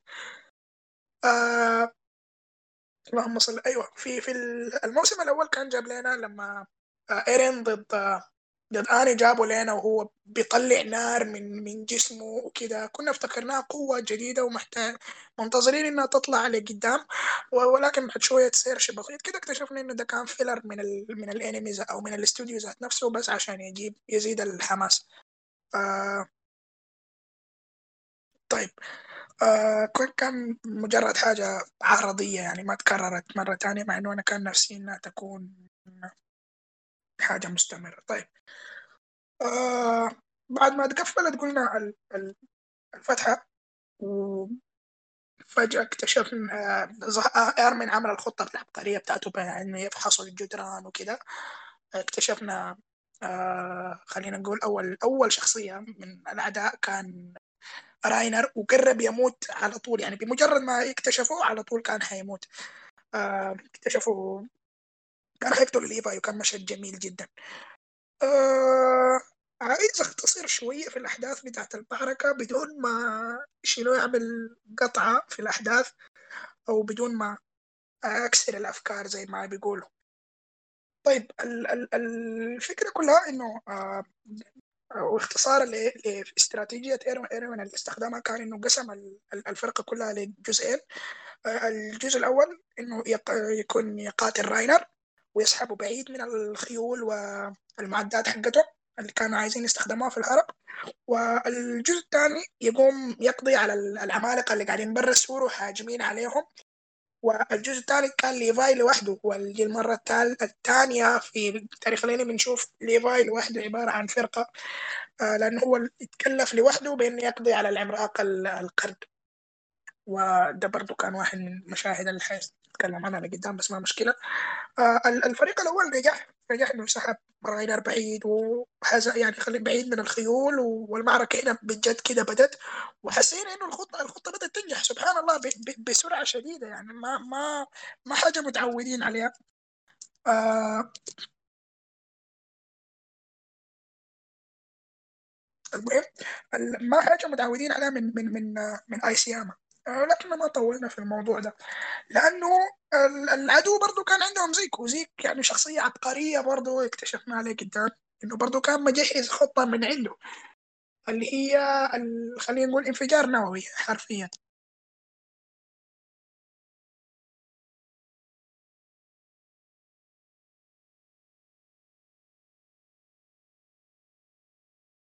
باختصار كان عنده على شكل إنه بيرتولد كان قاعد جوا جوا برميل وقام شاته. وجوا الأسوار لأنه ما في طريقة أعتقد كان يمر من كل الفرقة ديك بسلام. فكانت فكرة جميلة. الانفجار لأول مرة كان نشوف يعني شنو قوة العملاق الضخم. هو بيتحول يعني نحن شفناه لما كان عند السور. مجرد إنه عمل فتحة وكان بطيء في الحركة وإنه اختفى كده ده بدون أي مقدمات. ولكن الإخراج و يعني خلينا نقول الفكرة ذات نفسها اللي كانت معموله عند التحول كانت رهيبة جدا رهيبة جدا. كان كان أثر تدمير طيب آه قلنا إنه زي كان يعني مجهز فكرة هو الآخر زي ما إيروين في الطرف الثاني ما هو الوحيد اللي بيفكر وراه آه لكن إنه الاعداء عندهم طرف ثاني بيفكر هو زيك. وزيك كانت فكرته باختصار إنه عشان يتجنب لقاء آه بيرتولد أو إنه يوصلوا ل خلينا نقول آه داخل السور. كانت فكرته إنه يقضي على كل الأفراد بتاعون. الفرقة مرة واحدة بالانفجار اللي حيعملوا آه اسمه شنو؟ بيرتولد. وهو بيتحول لعملاق. ودي كانت أول مرة نحن نشوف آه يعني شنو؟ عملاق ضخم بيتحول والأثر التدميري لتحوله عبارة عن قنبلة موقوتة هو كان. والانفجار من قوته ورهابته. أنا عن نفسي بطلق عليه اسم جميل أو مسمى جميل. يعني تدبيري واضح واضح واضح كبير لدرجة ما ما فضل حاجة ثانية في المدينة على على على على نفس حاله. يعني ملامح المدينة كلها اختفت وكل الناس دي يعني بالله جلاله خلينا نقول هربت. حتى صاحبه العملاق المدرع كان حاول حاول إنه يهرب من الانفجار ده ذات نفسه. آه الأحداث شوية لقدام ونصل ل ل خلينا نقول المفكر الثاني في في نقل استطلاع وهو آرمن. هو حرفيا بالنسبة لنا في الفترة دي أو من بدأ السيزون الأنمي هو أكثر شخصية كده التطور بتاعها سواء كبناء شخصية فكريا استراتيجيا كان ماشي بتدرج ملحوظ. وتجلى لنا كان في السيزون الثالث على مرتين ثلاثة يمكن أكدت لنا المعلومات دي. مرة لما جاء فكرة إنه آه، يفحص الجدران والمرة الثانية لما انتبه لأنه العملاق الضخم كل ما يطلق بخار كان بيقل حجمه. وهنا بنصل لل خلينا نقول آه، مرحلة أو خلينا نقول نقطة اللي هو الانتقام أو خلينا نقول سوري احتراق أرمن. المشهد بتاع احتراق أرمن كان واحد من أجمل من أكثر المشاهد بتاعت التضحية بالنفس ألما اللي مرت علي أنا شخصيا في تاريخ الأنمي. دائما الشخصيات اللي بتجيبوا لك بتموت حرقا في تاريخ الأنمي كله بيكون وقع أليم شويتين. يعني الزول ده حرفيا كان لحمه بيدوب ومتمسك بحبل يعني تحسه كده زي ما بقول لك حبل النجاة. بس ده, ده, ده كان ارمن في اللحظة ديك. كله بس عشان يحقق الهدف. يعني حرفيا أيسياما كل مرة بيورينا إنه الغاية تبرر الوسيلة. تفهم حرفيا ما فضل فيه ولا أي خلية زي ما بيقولوا رطبه انتهى. آه المشهد ده كله أعتقد كان ايسيام عايز يوصلنا له للقطة معينة انه هو بعد. طبعا الفيلق استطاع هناك مع خارج الأسوار ضحوا بنفسهم كلهم في المشهد اللي أنا أنا ما حقدر أوصفه أنا مهما حاولت أتكلم عن مشهد ارمن الفرقة وهم بيضحوا هم بيضحوا بنفسهم. أنا ما حاوفيه حقه عشان كده أنا ما تكلمت عنه كتير. بفضل دائما وأبدا الناس تمشي تشوف المشهد ده لوحدهم بس عشان يشوفوا الجملة اللي في الأخير بتاعت آه نحن نموت واثقين. من سيأتي بعدنا سيجعل من حياتنا وتضحياتنا معنا.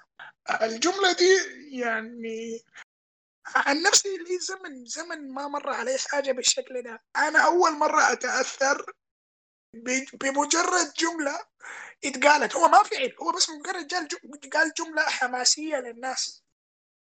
فالمبدأ وطريقة إيروين في القيادة وإيروين كقائد ده محتاج له جلسة لوحده. طيب إيروين في النهاية ما تعجبك يعني أنت شفت الأنمي ولا ما شفته؟ آه، أنا آسف أنا أعتقد حركته بما فيه الكفاية آه، إيروين مات وما موتته كانت موتة بطل أو ده اللي اعتقدناه. نحن لحد ما جاتنا اللقطة بتاعت معضلة القائد أم العبقري. هي لما فلوك أو بعد ما خلاص تم القضاء على العملاق الضخم خلينا نقول فلوك جاب هو الناجي الوحيد كان من الفرقة جاب إيروين على ظهره فوق السقف وهم كانوا بيحاولوا إنه ينجدوا في ما تبقى من آرمن عن طريق الحقنة اللي أداها كيني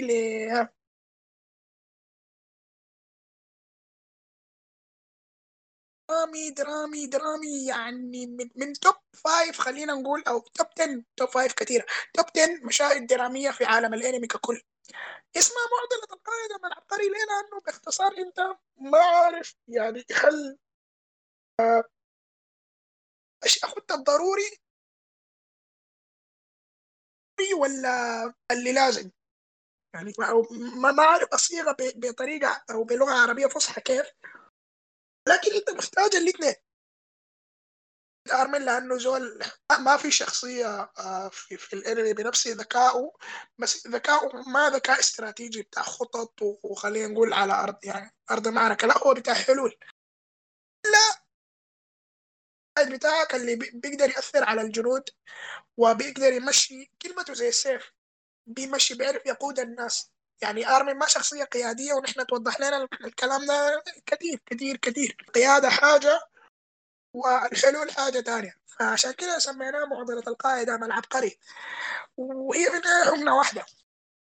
بعد جدل وسجال ومغالطات كثيرة آه، ليفاي قرر إنه يقول لصاحبه ومعلمه ورفيق دربه يعني يا حبيبي آه، أديت اللي عليك وخلي الباقي علينا وشكرا لك. شهدنا نهاية أعظم واحد أعظم قائد الصراحة في تاريخ الأنمي إلى الآن يمكن. أنا أحس في نفسي إنه أقول الجملة دي بس عشان ال record حقوله واحد من الأعظم هو ما الأعظم هو واحد من الأعظم. تمام يا شباب؟ هو واحد من الأعظم. لأنه لسه الأنمي عالم الأنمي واسع خلينا نقول أو ال ال ال الفعالية الدرامية اللي شفناها من بداية الموسم لحد ما قدرنا نصل للحظة المنتظرة. يوم يصلوا للقبو أخيرا. أخيرا وصلنا للقبو أخيرا. المفروض تتكشف قدامنا كل المعلومات والبتاع. لعن المفتاح وفجأة المفتاح ما بيفتح الباب. أوف. يعني أنا واحد وقفت الفيديو. يا فردة أنت عايز تصل معاه لوين يعني؟ ليه المفتاح ما يفتح الباب طبعا اختصر خلينا نقول الوحش حقنا.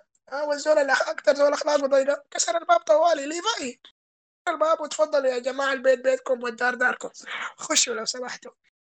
فيما بعد اكتشفنا إنه المفتاح ده لحاجة تانية. طيب آه، هختصر المشهد بتاع القبو ده كله في أربع جمل.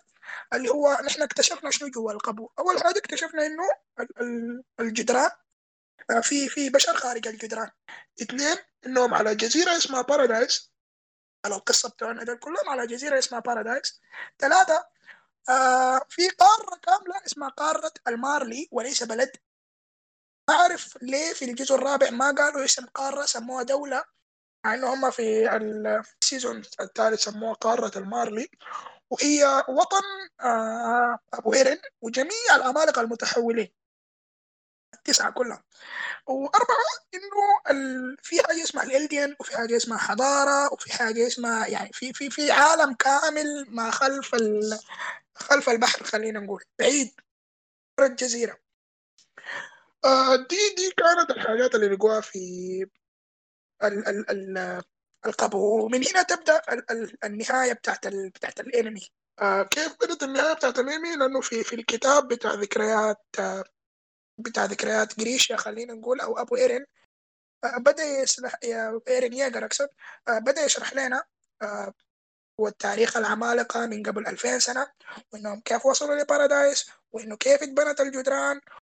يعني آه في إلدين كانوا قاعدين كانوا في الدين برا الجدران ومين الملك ومين المؤسس. آه العنصرية اللي حاصلة للناس في عند المارلي والمارلي دي اللي بيعملوا كده ليه؟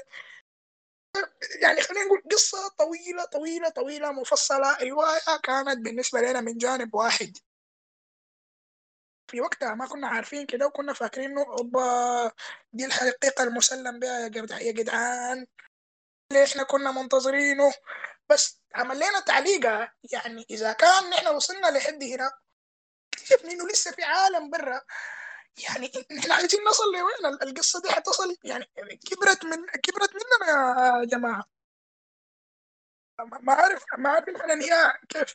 فخلانا متحمسين لجزء ثاني اللي هو حاليا الجزء الرابع. والصراحة أشكرهم على التعليق يعني. آه الأحداث؟ وجريشة ذكر لنا إنه في عمر ال 18 انضم لحاجة اسمها حزب المقاومة ضد المارلي. هم كانوا قاعدين جوا القارة اللي اسمها مارلي مع الناس اللي اسمهم المارلي وهم الجزء المضطهد من ال Eldians اللي قاعدين مع المارلي اللي ما رجعوا جوا جزيرة البارادايس هي موطن آه الشلة حقتنا دي في القتل الاستطلاع وكل الناس اللي قاعدة جوا. جاب لنا إنه آه جريشا مع السنين اتعرف على دينا فريتز. وانجبوا زيك اللي هو يعتبر حاليا أخو أخو إيرين.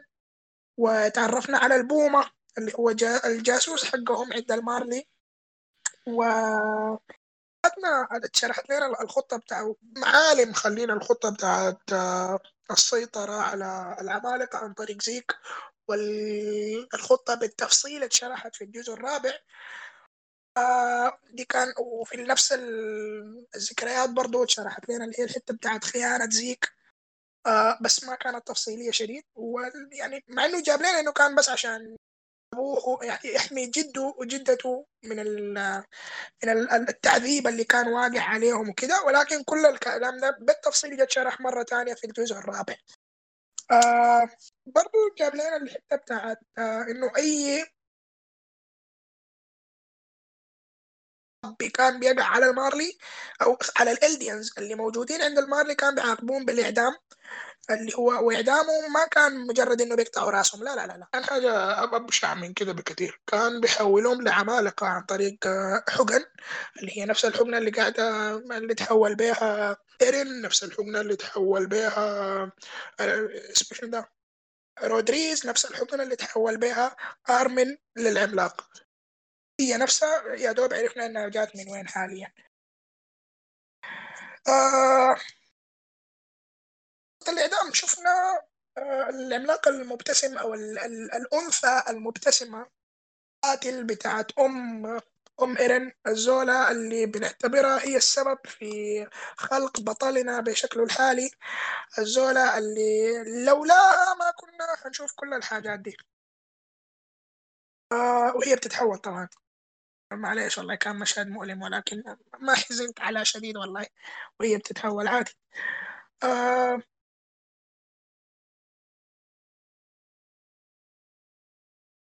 لمدة 13 سنة إنه في حال ما حصل القوة دي لزول تاني آه حاجة اسمها المسار و أو الباث خلينا نقول بينتقل حيسبب انت تنتقل القوة بتاعت العملاق المفقود ده لواحد من أفراد الالديان اللي موجودين جديد لأنه كل الالديانز متصلين عن طريق المسار ده بطريقة أو بأخرى. نحن لحد الآن ما عارفينها رغم إنه نحن في الموسم الرابع. عارفينها يا جماعة. ما ما ما, ما شرحت لحد هسه ما شرحت طيب آه آخر كم نقطة؟ هو السؤال بتاع الجريشة اللي البومة قال لي اخترتني أنا قال له لأنه لما كنت صغير إصرارك ورغبتك إنك تصل خارج الأسوار هي اللي خلتني أختارك وده الدافع الرئيسي. هو لما كان عند المنطاد يا جماعة و الصغيرة وفي النهاية الأخت ماتت وكده. عن نفسي ما شايفه تبرير. أبدا ما شايفه تبرير.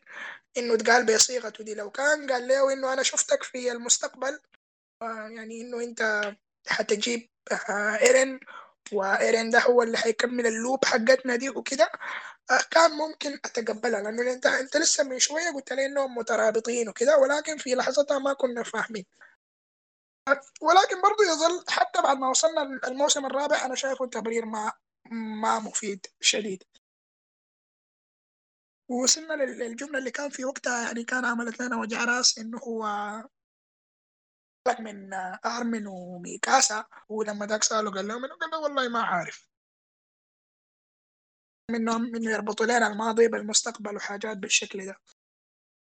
حاجة كنا واصلنا في الموسم اللي هو رسالة راينر راينر لهيستوريا وذكر لها إنه فيها يومير ماتت كانت داخلة على الاجتماع بتاع القادة وكده اللي هو الاجتماع اللي فيه اتحددت الخطوة القادمة بعد ما اكتشفنا إنه يا جماعة إنه العدو بتاعنا ما ما العمالقة بس لا نحن عدونا العالم كله.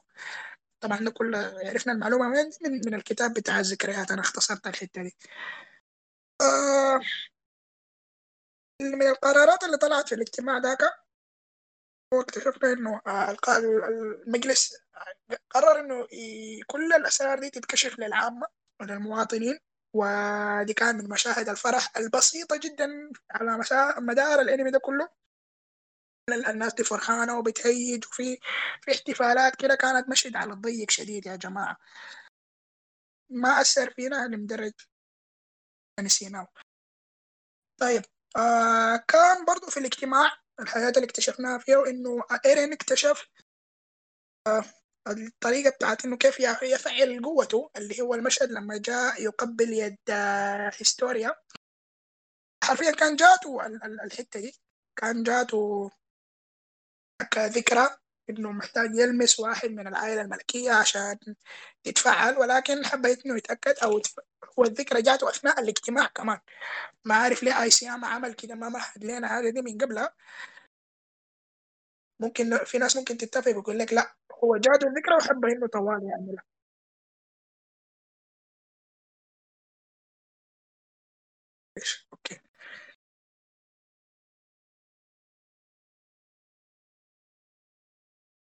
خلينا نقول آه لا آخر نقطة كان أو آخر نقطتين خلينا نقول إنه هو تم تتويج آه هيستوريا إنها بقت الحاكمة الشرعية خلاص ل للالديانز آه، جوا البارادايس آه بعدها مرت آه سنة من الأحداث من التتويج آه الفرقة الاستطلاعية قضت على كل العمالقة.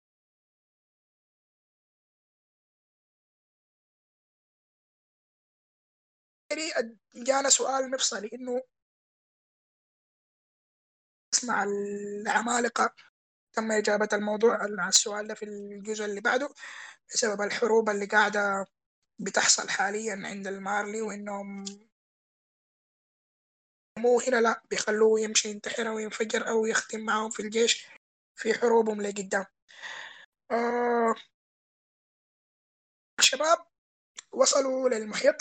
لأول مرة منذ ست سنوات من بداية الأنمي كان والجميع كان سعيد باللي حاصل بطلنا بطل القصة كان يبدو متجهما وسرحانا مرحانا ما عارف الله وين الله خاتيه كان بيتساءل يعني توجد خلف هذا البحر. وهو من بدء الأنمي كان فاكر إنه لما يصل البحر حتى على مرتين ثلاثة مرات جوا الانمي من السيزون الأول ذكر إنه حلمه هو وآرمين وميكاسا إنهم يصلوا للبحر بالنسبة لهم. البارت الثاني الحلم ده تبدد نوعا ما. في مشهد واحد في جملة واحدة إنه الحقيقة تكمن هناك.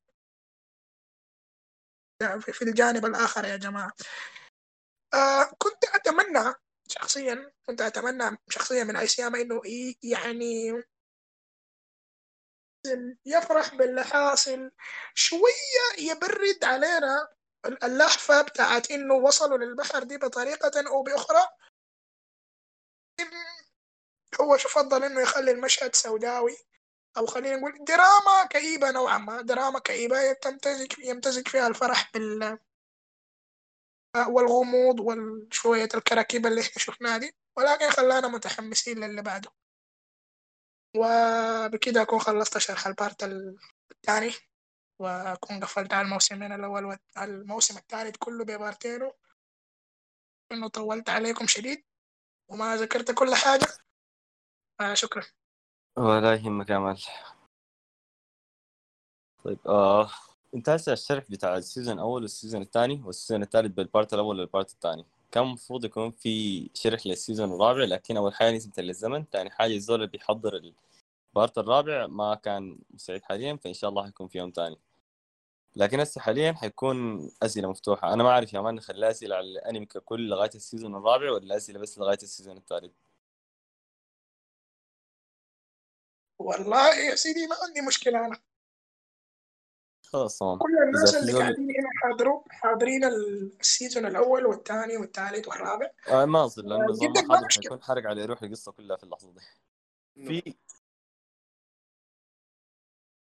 في ثيوري يا جماعة آه برضو عايز اتطرق له هو ما حرق لأنه أنا ما قريت في المانجا كثير وقريت بس الأركات الأولى في المانجا فما اطلع لها فيقبل الصواب ويقبل الخطأ. فإذا بالله إذا في قاري المانجا يخلينا حتى لو كنا غلطانين بس كده يضحك فينا من بعيد ما ما يحرق. لكن هيئة العملاق الجريد بتتغير من مستخدم لمستخدم. وفي السيزون الثاني الاوبننج الأول بتاع الانكرايزن بتاع الساقية ده بنشوف العملاق بتاع زيك جاري وجنبه في حيوانات كثيره منها الديناصورات. آه مولانا البوت رجع ثاني منها دي فيها ديناصورات وفي حوت وفي بتاع. الحاجة دي طلعت في الأنمي؟ ما كان أنا لا لا في الأنمي ما طلعت. لكن في في التفسير البريالين إنه الشكل آه. بتاع العملاق المهاج العملاق الوحش بيتغير من مستخدم لمستخدم كتعزيز للنظرية آه. دي شفنا العملاق الزيك لما كان صغير كان بيلعب له بلعبه بتاعت جريد وكان ماسك له كرة بتاعت بيسبول فالعملاق بتاعه جايب نفس المواصفات اللي هي كان زيك قبل ما ياخذ العملاق لكن. المستخدم اللي قبل زيك اللي اسمه منه آه الذهب في السيزون الرابع ده ده آه. العملاق بتاعه ما هو مؤهل للقتالات البرية نهائي ما هو مؤهل للقتال عموما القتالات دي عكس الوصف ده عكس وصف عملاق زيك نهائي ما ينفع القتال هو آه قتال قريب. لكن بالنسبة لموضوع فريدا آه أو فريدا آه ما كان إنه موضوع إنه العملاق المؤسس أقوى ولا العملاق المهاجم أقوى. كان إنه فريدا أصلا يا دوب كان أخذت القوة وما كانت قد. هنا وما عارفه ميزاتها وما عندها خبرة كانت كثيرة في الموضوع ده. آه عموما ده لكن رأيي. كده بتاعكم ما ما عندها ما أول مرة في حياتها من من أول ما أخذت العملاق. العملاق المهاجم- ما هو بس مجرد عملاق عنده وعي العملاق المهاجم قدراته الهجومية اعلى من كل العمالقه بالمناسبه على فكرة في كان واحد سأل ايسياما قبل كده قال له هل العملاق الأنثى. السؤال ده.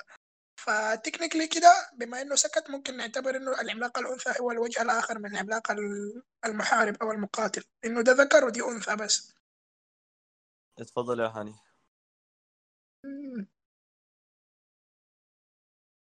آه طيب كيفكم يا شباب؟ إن شاء الله بخير. تمام آه، الله. شكرا لكم ضياء ومال على الشغل اللي عملتوه. عم- عملت recapping ظريف خالص عموما خلصت الموسم الرابع ولا ما خلصت؟ عشان طلعت وجيت ثاني ما أعرف. طبعا ما بدينا فيه ما تطرقنا فيه أصلا. وقفنا على لحد ال season الثالث بس من القصة. okay. آه، okay بس عموما قبل ما آه، هي ما هي ما كان مداخلة هو بس كان كان establishment أصلا لل- لل- للتأسيس للموسم الرابع وما بعديه يعني والمشاكل ال creative اللي حصلت وعلاقته أصلا بفكرة المسلسل إنه إحنا مش مش كخط أحداث بقدر آه، ما هو يعني conceptual ideas يعني. اولا النقطة اللي أنتم كنتوا تتكلموا فيها بالمناسبة آه، العملاق المؤسس ولا المهاجم منو اللي أقوى ومنو اللي حيقتل الثاني على حسب المعطيات اللي عندكم اللي حيحدد آه، هاجيمي إيساياما منو اللي حيموت ومنو اللي حيفوز فيهم هو اللي حيكون الأقوى يعني. من دون أي معطيات آه، آه، يعني ادونا ذكرني بكلام ستان لي لما كانوا سألوه قال له يا أخي هل ممكن إنه إنه يعني سبايدر مان يغلب يغلب the Hulk وكذا قال له قال لهم يا ريمم أنا الكاتب. لما أنا أكون الكاتب أنا لو أنا عايز سبايدر مان يغلب آه، يغلب آه، اسمه منو آه، يغلب the Hulk بيغلبه ما دام أنا الكاتب يعني بالفكرة الفكرة دي يعني عموما هي في النهاية راجعه راجع راجع راجع لهوى الكاتب في الوقت اللي هو بيأسس فيه لل- للقصة أو أو أو لل- للمواجهة بيناتهم. ال- الجزئية ال- ال- اللي أنا عايز أتكلم فيها في ال- الإشكالية أنا أنا أعتبر إنه إنه الموسم الثالث في Attack on Titan يعتبر يعني من يمكن من من أحلى ال- المواسم في تاريخ في تاريخ ال- الأنمي كله يعني. مش مش المسلسل حتى في المسلسل يعني كان هو بيعتبر stand stand out عالي خالص يعني. ولو كان هاجيمي إيساياما أصلا الوقت ذاك وقف ال- ال- المسلسل على فكرة عن عن- عند نهاية الموسم الثالث. صح إنه كان في خلينا نقول جو بتاع أحداث ما ظاهره في القسم الثاني. لو هو بس وقف وقفل المسلسل. على كده أتوقع إنه كان حيكون مستوى الرضا عن المسلسل أكثر مما إحنا جينا دخلنا في في تقلبات ال- ال- الموسم الرابع. ودي حاجة يبدو لي إنه إنه يعني بقت creative dilemma يعني يعني زي زي متلازمة الموسم الثالث في في في عديد من المسلسلات آه، لأنه بيكون ال- الكاتب لما بيكون بدأ بالمسلسل ما بيكون متوقع إنه الشركة آه، شركة البث إن هي بتكون يعني مقبلة على نجاحه بحيث إنه تعمله premiere يعني. فهو بيكون مسلسل أصلا ناوي إن هو يقفله في season سيزونين بس يعني. فلما ينجح ال season الأول بتجي شركة البث بتحاول إن هي تستثمر النجاح ده فبتعمل يعني multi multi series أو عفوا multi seasons والحاجة دي بتخلي بتخلي في نوع من هبوط المستوى أصلا في في مش في المسلسل بقدر ما هو في حدية الأحداث آه، آه، بتاعته. الحاجة دي حصلت طبعا في في Mr. Robot حصلت في آه، في Westworld ووست وورد لما حصل فيه طبعا عارفين انه المشكلة بتاعت إتش بي كبيرة كان هو الوسخين بتاعين. كلهم. والله يا كسر أنا ما شفته عموما. لكن أنا. بتكلم عن إنه إنه كانت دي كلها يعني اللي قاعد يحصل في وس في إتش بي أو بالذات مع المسلسلات دي كان كلها يعني كاتاستروفي أو أو أو كارثة ما بعد ما بعد جيم اوف ثرونز والمشكلة الكبيرة اللي حصلت في, نهايتها يعني. Game of Thrones يعني نفسه يعني كان عنده متلازمة أنت- بتاعت موسم ثالث هو اللي هو من نهاية الخامس والسادس والموسم ده بيعتبر متلازمة موسم ثالث بالنسبة لي. يعني Game انت عندك. مشكلة مع إنه العمالقة جاء موسم رابع؟ آه طيب أيوه أنا أنا حجيك في دي أنا ما حجيك في دي. بغض النظر عن علاقة المانجا بال بالمسلسل. آه ال- الإشكالية كانت شو؟ إنه لحد نهاية الموسم الثالث هو خلينا نقول قفل كل ال- ال plot holes اللي هو كان شغال عليها. وصلنا حاليا إلى نقطة بتاعت new new origin بتاع new beginnings بعد ده أعلنوا إنه هو حيكون بس عبارة عن موسم أخير اللي هو الموسم الرابع بس هو عبارة عن موسم واحد. آه حيختم فيه كل حاجة. فأنا لما لما قريت ال announcement ده أنا شلت هم وتوقعت إن الموسم الرابع حيكون فيه حيكون فيه كثير من من من الجدل. ليه؟ لأنه ال- الشخصيات اللي هو قام فردها وتعب عليها في في يعني في ثلاث مواسم أنا قصدي. كويس؟ عشان عشان ما ينمطها وإن هي تكون يعني شخصيات داخلة ل ل ل آه، متعمقة في في في في تأطير الشخصيات نفسها كبروتوتايب وربطها بأحداث القصة بعد كده ربطها بمنحنى الحبكة. فالحاجة دي كلها إنه هو يعملها كلها إنه هو يعملها في موسم واحد بس مستحيل انه إنه حتكون بنفس بنفس الجمالية والقوة اللي هو كان عملها في في الثلاث مواسم اللي فاتوا. وهو زي ما أنتم شايفين خلص الموسم الرابع وقفلوا على كده الناس جرت شوية قاموا أعلنوا قالوا لا إنه حيكون في موسم خامس عشان الواحد يقدر إنه هو يقفل فيه باب, باب الأحداث. والناس اللي تابعوا المانجا برضه لقوا إنه في هفوات ب 60 كلب هو نفس الهفوات بتاعت ستاربكس اللي كانت في في Game of Thrones وده طبيعي آه، الما طبيعي آه، إنه إنه إنه الشركات إن هي يعني إنه لعابها يسير مع آه، وتحاول إن هي تس- تستثمر النجاح ده إلى آخره يعني. لكن هو بيكون يعني بيكون منهك جدا للكتاب خصوصا الكرياتيف يعني زي زي آه، هاجم السيامة. آه، ميزة المسلسل لو عشان قبل ما نتكلم في في في رهاصات الموسم الرابع كان شنو؟ ميزة المسلسل آه، وده الشيء اللي هو تفرد به يعني ك ك كأنمي مقابل أي أنمي ثاني آه إنه آه إنه ماخذ خلينا نقول أقوى حاجة من أقوى آه آه خلينا نسميها حلول درامية حصلت في في في الألفية عموما يعني. يعني مثلا آه، حنك إنه إنه إنه الأبطال بعد ما نتعلق بهم إنه هم دائما يموتوا يكونوا ميتات مفاجأة وبيكسروا فيه الدائرة بتاعت الحبكة دي دي دي موجودة أصلا كان في التراث ال- الأوروبي واللي كان بيسموه اللي هو ال fatalism أو ال Irish Catholic fatalism يعني. إنه في النهاية إنه الخير آه، إنه الخير آه، ما بيستمر يعني. ومهما تعلقنا بال- بال- بالحاجة دي إنه إنه لابد إنه إنه إنه إنه إنه ينتهي إنه يحصل فيه fatalism يعني. والحاجة لو كنتوا ملاحظين كانت كانت مميز دي الحاجة اللي كانت مميزة Game of Thrones هو قام أخذ الموضوع ده لكن أنا حرجع حرجع أخذها كيف يعني؟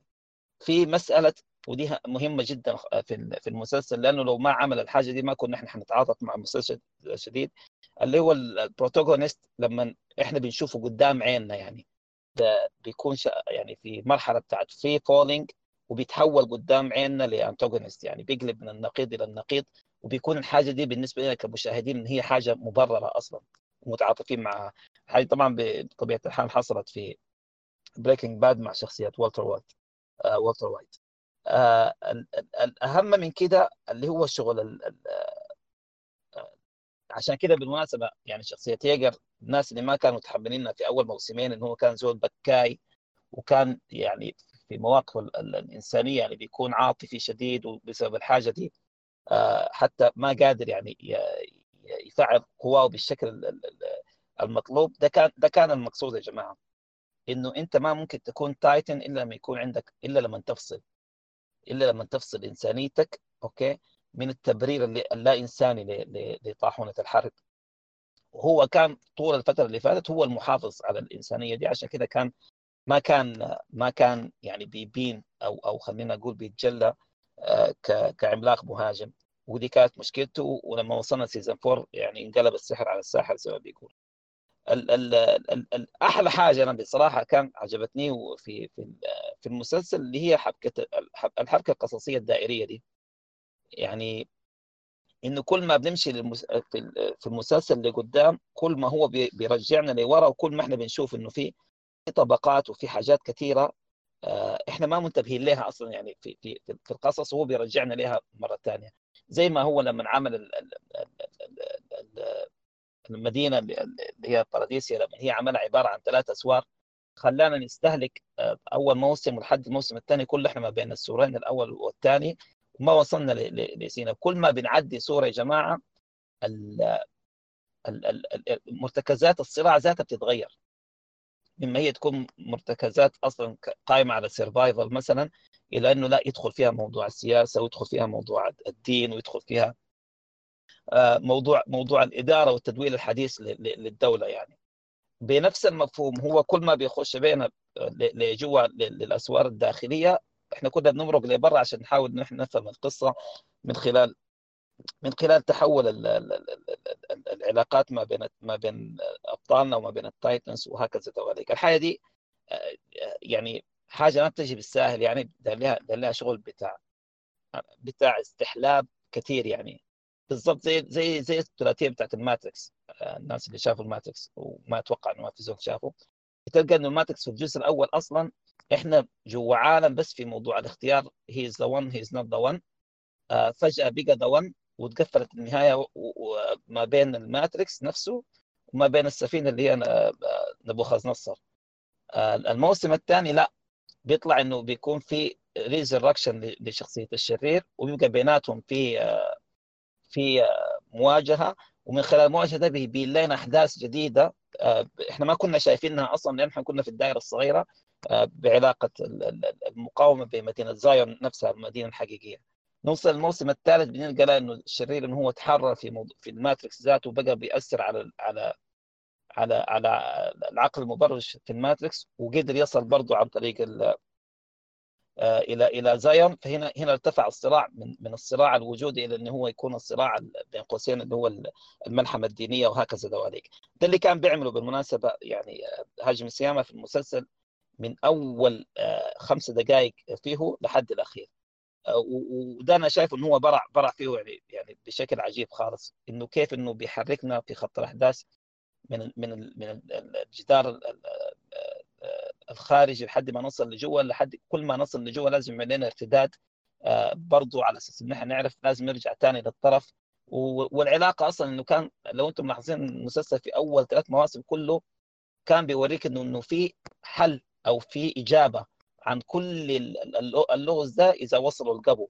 وكان بيأسس الحكاية دي في في موضوع العلاقات والحاجات دي. الميزة الثانية المسلسل بيتكلم عن شنو؟ إحنا إحنا ما حنقدر نقيم المسلسل هو يعني عظيم ولا لأ إلا لما نحن نعرف هو كان بيتكلم عن شنو؟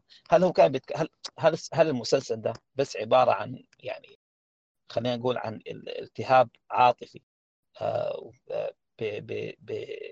بتشخيص درامي عالي في في قصة يعني فانتازية بالشكل ده لأ هو ما كده وبس هو لو كده ما هو كان حيبقى زيه زي زي كل ال animes لأ هو فيه فيه ميزة إن هو عمل استخدم المجاز بتاع ال titans كويس اللي هو المجاز الأسطوري ده وحاول يسقطه على الواقع التاريخي اللي إحنا عايشينه في 107 سنة دي يعني هو بيتكلم عن العصر الحديث من بداية الحرب العالمية الأولى في 1913 14 لحد لحد الآن هو كان بياخذ الموضوع دي ك ك كموجات لكن هو ما سرد تاريخي خطي هو اختزال لا خطي آه للحاجة دي عشان يبحث في شنو؟ عشان يبحث في في في في في ذهنية الحرب يا جماعة أو في في في في ذهنية ال ال الاختلاف أصلا اللي بتؤدي إلى حروب مصيرية وإنه الإنسان مهما كان ما حيتعلم من أخطائه التاريخية وإنه حيفضل إنه إنه حيفضل. مسألة الحرب دي هو عبارة عن خيار خيار استراتيجي وقائم وضروري وأخلاقي طالما إنه إحنا ما قادرين نكسر الحواجز الوهمية اللي بيناتنا اللي بتفصل بتفصل البشرية بتفصل البشرية عن بعضها. آه الحاجة دي آه قام هو رجعها عشان يأسسها عن عن طريق ال titans، ال titans كأسطورة موجودة في في أكثر من من من, من, من ثقافة شعبية في العالم. آه الميثولوجيا الإغريقية كان فيها titans اللي هو كرونوس اللي هو كان هو هو هو أبو التياتن وهو هو أبو زيوس بلوتو فيما بعد وهو اللي كان عنده مثلا جايا وأولاد ثانيين وهو اللي كان لو أنت في لوح في لوحة أنا مش بعيد من النت لكن في لوحة مشهورة اللي هو كرونوس بيأكل واحد من أولاده يعني. الحاجة دي موجودة برضه في في في الميثولوجيا الإسكندنافية. كويس؟ عن عن يمر. يمر ده هو اللي هو مسميه ست الاسم يعني. آه بنفس الفهم. إن, إن هو عبارة عن عن عن عن titan آه كان لحاله وإنه أولاده ديل اتولدوا من تحت من تحت ذراعينه ذكر وأنثى وبعد كده كرعينه كان طلعت آه ولد بستة رؤوس. الولد بستة رؤوس في هو قدر يوظف الحاجة دي في في المسلسل اللي هم العمالقة كل واحد اللي عنده role. والأدوار دي لو أنتم ملاحظين هي لها علاقة بالحرب الحديثة يعني. يعني يعني بريتولد بتلقاه بريتولد عنده عنده القدره التدميريه بتاعت القنبله الذريه أو الهيدروجينيه بتلقى العملاق ابو ابو فك ده هو بيمثل بيمثل الانتقال أو التطور في في اسلحه الحرب في موضوع logistic يعني كيف ان هم ينقلوا قوات أو أو اسلحه من مكان لمكان بتلقى انه العملاق اللي هو الاسد ده هو بيمثل الصاعقه هو قدر قدر يلعب على الحاجة دي يعني ال ال ال ودي دي أنا شايفها دي اللي بدع فيها بصراحة انه هو كيف قدر انه هو يخترع خط قصصي واختزالي زي ما قلت لكم غير خطي بيسقط الأسطورة بتاعت ال titans دي بشكل إحنا ممكن نفهمه. الحلو فيه زي ما قلت لكم اللي هو الحبكة الدائرية دي إنه طول الموسم الأول إحنا ما بنعرف المشكلة آه، وين وهم ديل شنو أصلا لحد ما الأحداث تطور بيبقى لازم بعد ده بعد ما يتهدى الصورة نحن نرجع لورا. للصورة اللي بعديه لما نرجع للصورة اللي بعديه بتيجي الحبكات والمؤامرات اللي داخلة بين البلاط والأنظمة السياسية وفي نفس الوقت بيفتح لنا باب على على برا. لحد ما وصلنا نهاية الموسم الثالث إحنا خلاص بقى عندنا صورة واضحة لكن بعد ما عندنا الجوهر المعرفي عشان إنه الحكاية دي كلها بدأت من وين؟ وكان علقونا آه، على على الحاجة دي. في آه، وكان بيقدم فيه يعني يعني خطابات هي مع إنها في في في أنمي لكن يعني بصراحة خطابات درامية عالية يعني. انه هو بيحاول إنه إنه يقول لكم إنه الحاجة دي اللي إحنا بنكرهها موضوع الحرب والدمار آه، وإنه الإنسان بيقتل أخوه الإنسان والحاجات دي إنه إنه إنه الحاجة دي مغروسة فينا مهما كانت أخلاقياتنا ومهما كان يعني تزرعنا بأنه إحنا كبشر فاضلين في مجتمع فاضل إنه إحنا ممكن ممكن حاجة كلها تقلب 180 درجة ويبقى عادي ومبرر عندنا إن إحنا نقتل نقتل نقتل الناس آه، من خلال آه، معركة وأيديولوجيا وحاجات زي دي. الحقيقة طبعا لو أنتم ملاحظين إنه هو كان كان أكد عليها كثير وما خلى فيها يعني يعني حتى يعني كان في تعامل ناضج مع مثلا دور السلطة في الموضوع دور الدين. يعني مثلا لو الموضوع إنه إنه ربط الحكاية دي أول حاجة بالدين من الباب الخلفي وبعدين بقى في موضوع نبوءة وبقى في في أشبه ما يكون قربان أصلا عشان عشان الدائرة بتاعت العمالقة دي تستمر يعني. آه، هو هو بيقول شنو؟ هو بيقول إنه إنه عامل ربط يعني ما بين مفهوم المفهوم الديني والتاريخ للقربان القربان اللي بيتقدم أصلا على أساس إنه إنه الآلهة آه، إن هي ترضى مثلا. وإنه قال بنفس المفهوم بتاع التضحية دي والساكرفايس ده إحنا بنتعامل أو أو الأنظمة الحديثة في الحروب بتتعامل مع مع مع الحرب أو أو خلينا نقول الخسائر البشرية الهائلة آه، فيها بنفس المفهوم التبريري ده. باعتبار إنه هو أضرار جانبية ولا ولا كولاترال دامجز يعني. ودي الحكاية اللي هو دائما يا جماعة بيكر عليها يعني من خلال تطور الشخصيات نفسهم. كان هي الفكرة كده. منظور الشخصية دي ذاتها إنه هو ما ممكن يبقى يبقى إنسان خارق أو أو عملاق خارق إلا إذا بقى عبارة عن آلة بيتعامل مع البشر آه، بالانفصال ده. إنه هو يكون آه، بشر وما بشر في نفس الوقت يعني. إنه إنه لو لو هو بيتعامل مع الناس إن هم عبارة عن اوبجكتس إن هم دين ما عندهم ناس حيوات ولا عندهم أفكار تخصهم ولا عندهم آه خلينا نقول نسيج إنساني بيوحدنا ال ال آه أنا حبقى أقل وهنا دائما لو أنتم ملاحظين كل القرارات اللي مروا فيها كل ابطالنا هي قرارات مصيرية في في موضوع أخلاقية الحرب ذاتها يعني. آه الناس خسروا بعضهم أو ماتوا يعني. أنا الوقت ما بيسمح لكن ارجعوا لكل الشخصيات الرئيسية بتلقى إنه بيكون مرة في معضلة أخلاقية بتخليه إنه هو يحدد إذا هو لسه إنسان بيحافظ على على على قداسة الحياة ولا إنه هو لازم يتجاوز الموضوع ده باعتبار إنه أنا لازم أكسب أكسب المعركة ولا الحرب ولا غيره. في ال في ال في الموسم الرابع حصل في كم step backs زي ما قلنا واحد منهم اللي هو الفصل اللي حصلت ثاني حاجة اللي هو كان انه انه إنه ال production بقى كله عند عند MAPPA. كان هي كشركه جديدة هي اللي بين قوسين كتر خير يعني يعني أخذت المهمة الصعبة دي يعني على أساس إن هي تكمل. وتغير ال creative directors والرسامين فيهم يعني يعني ما جون شيشيهيد هو اللي كان القديم. وبعد عفوا هو هو اللي بقى الجديد وكان تحتيه في الدايركشن كان في يوشيرو آه، هاياشي وده اللي كان جاء سد محل آه، تسيرو أراكي. والحاجة دي بالمناسبة أثرت كثير حتى في مفهوم الصورة يعني وحتى في مفهوم الأنيميشن يعني. يعني كان واحدة من الحاجات المذهلة جدا يعني في انه كان الشغل أكثر ما يكون غالب ما يكون هو هو عبارة عن رسم. عشان كده كانت الحركة بالذات الحركات الأكروباتية في في اللي إحنا كنا شفناها كانت مجنونة خالص لأنه كان في وقت الوقت ذاك. آه، حاليا ما في وقت فأنا لازم أرجع للسي جي آي أكثر والحاجة دي اللي اللي اللي أثرت فيها. واحدة من أهم الحاجات اللي اللي قل قليل إنك أنت تجده في في مش في انمي بس في أي وسيط يعني بتاع مشاهدة اللي هو إنه بق إنه المسلسل كان عبارة عن بيو pure رو tactical يعني. يعني كل حاجة فيها الزود كأنه لاعب شطرنج. خطير يعني. كل حاجة فيها كان بيمر إنه بيورينا ال tactics. مش مش إنه بطل بيخبط في بطل ونشوف مين اللي مين اللي بيفوز فيهم لا.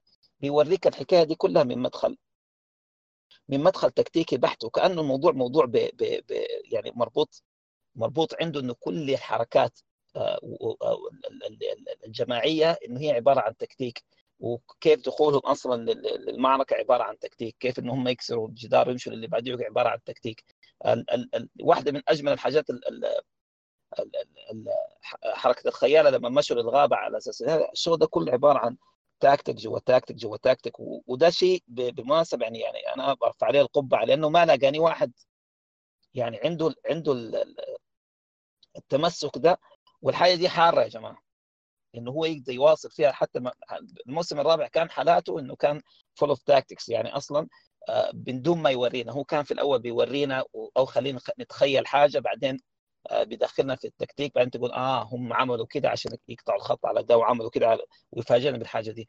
في الموسم الرابع لا خلاص قال لكم أنتوا أنتوا وقعت لكم الرصة آه، وطوالي انت بتخش وتتفاجئ مباشرة بالتوقعات وإنه هو بيكسر التوقعات اللي عندك.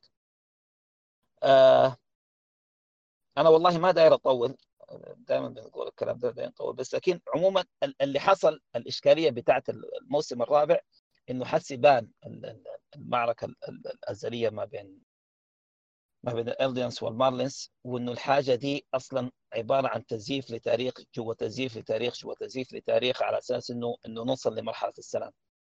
الحرب العالمية الأولى بالمناسبة لما لما طلعت في الأنباء في 1914 واشتد أوارها في 1916 كانت الصحافة بتقول the war that will end uh, every war يعني إنه كان بيعاينوا الحرب العالمية الأولى. هم بيقولوا كده ما ممكن البشرية كلها تقيف على خطوط النار وتقتل في بعضها حاليا بالخسائر الفاتحة دي. كويس.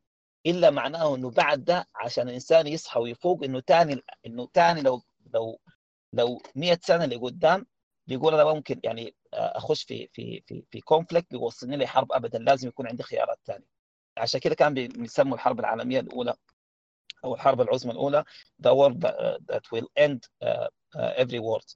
اللي حصل إنه ما تم 20 سنة إلا جت الحرب العالمية الثانية هي كانت ألعن من الحرب العالمية الأولى وأنا عشان كده قلت لكم دي دي المأساة البشرية الموجودة. فهو كان على أساس إنه يوصلنا يعني هاجم السيامة من كل الحاجات اللي اختزلها في في مفهوم الحرب وسياق الأيديولوجي ومفهوم السلام ومفهوم تبرير آه، آه، قتل البشر يعني باعتبار إن هي آه، تضحية أو أو كان لازم يوصلنا للضفة الثانية. الموسم الرابع لحد الموسم الثالث إحنا مرينا على كل الحروب الكبيرة الأول والثاني وما بين وحتى اللي هو الحرب الباردة يعني في في كم إشارة كان بيتكلم عنها عن موضوع الحرب الباردة اللي هي علاقه الجدران الكبيرة اللي كانت تتشيد من من خلال التايتنز وكذا. الحرب الأخيرة اللي, اللي, اللي بدأ فيها الموسم الرابع كان هو حرب آه، خلينا نقول هي الحرب حروب الألفية الجديدة اللي, اللي إحنا مرينا فيها. وده كان برضه اللي قلت لكم كان خيار واعي من من هاجم السيامه إنه هو يستخدم الموضوع ده لأنه لأن أنت ممكن تقطع خط الحبكة كله وتنقله لمستوى ثاني ولعالم جديد وتطفر شخصيات وما كان عندك يعني كمالة في ال debate ده.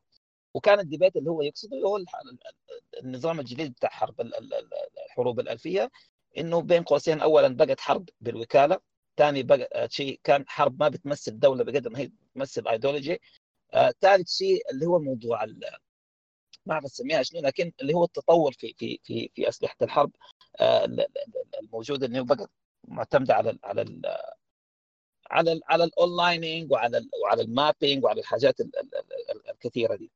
فهو عشان كده قام جاب الموسم الرابع بالبداية ديك وكان يعني الأبطال الجدد اللي هو قام دخلهم دخل لك شفع يعني. إحنا كنا أخذنا آه، ناس. ودي برضو كان واحدة من أحلى الحاجات اللي كان بيعملها على أساس إنه يربط ال... يربط الحبكات أو الطبقات اللي فوق بعض دي إنه هو بيمشينا من timeline لحد آخره بيدخلنا في ال timeline الثاني بعد فجأة كده بيعمل لنا فلاش باك بيربطنا مثلا 7 8 10 15 سنة لورا عشان تقول آه عشان كده بالله هم في نفس الوقت كانوا عملوا كده وإلى آخره. فهي الحاجة دي إحنا ما شفنا ما شفنا غير الثلاثه آه، آه، آه، اللي هم ميكاسا وجماعتهم إن هم كانوا شفع الوقت ذاك. في الموسم الرابع لا بقى الارتكاز الأساسي على إن إحنا نشوف الشفع ديل لكن هم ما في عالم السلام بالعكس هم في عالم الحرب ذاته. اللي هم غابي وفالكو وأودو وزوفيا وغيرهم. ديل ديل ليه, ليه هو غير السردية؟ خلاه بيركز على الناس اللي هم already قاعدين يشربوا وياكلوا على الحرب يعني وعلى مفهوم البطولة والمجد وإلى آخره. إنه كان بيذكرنا بوحدات ال Panzers اللي اللي كان النازيه اللي هم كانوا من عمر 13 ل 16 لحد 17 سنة. ديل ديل اللي ديل بالمناسبة ديل أكثر ناس وقفوا في في أبوا يسلموا برلين ويعني وماتوا بالهبل. آه، في في في المعركة الفاصلة دخول الحلفاء لبرلين. هو عايز يجيب لك ناس بالفهم ده. كويس؟ آه، على أساس إن إحنا نقدر نعاين إنه إحنا ما عايننا من الناس من منظور السلام اللي بيكرهوا الحرب واللي الحرب شردتهم وكتلت الناس اللي حواليهم وخلوهم يسألوا ليه الألم ده وكيف نتجاوز ومش عارف إيه وكلام زي كده. عشان كده بالمناسبة بتلقى إن المسلسل أصلا آه، من البداية يعني أنا بالمناسبة المسلسل ده أنا كسرت قلت لك من أول ثلاث حلقات لأنه لأنه يعني آه، يا أخي الشارة الشارة الأولى اللي كانت موجودة آه، للمسلسل هو هو عبارة عن عن ميكس ما بين النشيد الوطني الروسي واللغة الألمانية أو خلينا نقول النشيد الألماني النازي. مدخلينه كده بطريقة حلوة. هو هو ليه بيذكرنا بالكلام ده؟ بيذكرنا على أساس يقول لك إنه المسلسل أصلا حيتكلم عن النازين أيوه هم دي الأبطال وحن وحنمشي معاهم. لكن أنت عايل لهم إنه إنه إنه دي الأزمة الأخلاقية اللي هم حيمروا فيها آه، كلها. ومن خلال إحنا بنقدر آه، آه، بنقدر نشوف المسلسل ونقيم الأحداث ونقيم الأخلاقيات وكده على على ضوء ما قاعد يحصل اليوم. فعشان كده قام جاب الناس الجداد اللي هم كانوا في الحرب اللي هم متعطشين جدا على الأسطورة إن هم يمشوا وينتهوا من من من باراديس ومن موضوع لأنه هم السبب في في في موضوع في الذل اللي هم قاعد يحصل لهم وبعد مشى في نفس الثنائية الأخلاقية دي اللي اللي عاده كان في في الجزء الثالث قام عادها آه، عاده في في في الجزء الرابع. يلا في لحد ما وصلنا الجزء الرابع زي ما قلت لكم آه، رينيجر اتغير من يبقى إنه هو protagonist يبقى إنه هو يبقى fully antagonist يعني دي كان حاجة أنا كنت توقعتها لما وصلنا الموسم الثالث ما ممكن إنه هو يكمل بنفس بين قوسين الطيبة وكذا إنه هو لازم يقلب ويتحول شيئا فشيئا إلى ما يشبه المسيح الدجال. يعني واحد كان بيكره الحرب لا إنه هو واحد بيلقى إنه هو إنه هو أصلا وضع على أساس إنه هو ينهي الحرب فعلا. لكن ما حينهيها بمعنى إنه يصل لمرحله السلام لا إنه هو ينهيها إنه ينهي ال ال ينهيها بمفهوم الدمار الشامل. يعني إنه ما السلام اللي حيحصل إنه يحصل دمار شامل ما بيكون في ناس بعديهم أصلا على على, على الأساس ده. ومنه مشينا في الثنائيه بتاعت لو أنتم ملاحظين اتكررت القبو والسرداب آه، نفس المفهوم اللي كان في الموسم الثالث والثاني والثالث. جاب علينا في الموسم الرابع لما نتلاقوا راينر وإيرين ييجر. آه، وبعد كده كل ما بنمشي يا جماعة زي ما قلت لكم آه، ودانا للعصر الجديد بتاعت الحروب في الموسم الرابع. إنه ما بقى الموضوع عبارة عن تاكتكس وأدوات وكذا لا بقى في استراتيجية جديدة أصلا في في تدوير الحرب سواء كان العملاق ذو المطرقة. آه اسمه منو يا أخي؟ المارلين اللي, اللي ضحى بنفسه آه في الحلقة الرابعة في الحلقة الخامسة. ال ال ال ال اللي طلع على المسرح لو طيب عموما الفكرة كانت شنو؟ عفوا. أيوه تايبير. أيوه صح. يديك العافية. آه، الفكرة شنو؟ إنه هو عارف إنه هو حيموت وهو عايز برضه عايز يضحي بنفسه كقربان عشان هو يوصل لحد المعركة إلى آخره. وجاب اللي هي حرب الوكالة جاب كل ممثليات الدول الثانية عشان يدوا الضوء الأخضر انه هو بيقوم بالحاجة دي. وقدامهم قدام عينهم الزول ده اتقتل من من عن طريق العملاق المهاجم الحركة دي يا جماعة لو إحنا أخذناها حاولنا نتصورها حصلت 200 في الألفية هذا كان دي كان حرب العراق في 2004 إنه كيف إنه أمريكا قدرت تحشد المجتمع الدولي كله إنه هم يوافقوا ويأيدوا ويشاركوا في حرب ضد ضد العراق باعتبار إنه الناس زي في يدهم أسلحة الدمار الشامل ولازم نوقفهم عند حدهم. ودقسوهم في الموضوع ده يعني دقسوهم في الموضوع ده لكن الناس كلها تساقط. بنفس الحكاية دي عشان تتجرى للحرب للحرب دي. لو ما عملوا كده الأمريكان كل العالم حيقف ضده. هو كان لازم يجيش الموضوع ده من من من من خلال حرب من خلال حرب الوكالة. عشان كده تلقوا العمالقة في الموسم الرابع بيكون عندهم يعني خلينا نقول إن هم اتطوروا على في النظام ده. في نقطة حلوة خالص أنا بحب أختم بها إنه الناس زي اللي إحنا بنتعاطف معاهم. هل هم كده أخلاقيا يعني؟ هل إحنا متفقين معاهم على نفس المسودة الأخلاقية في التعاطي معاهم؟ لا.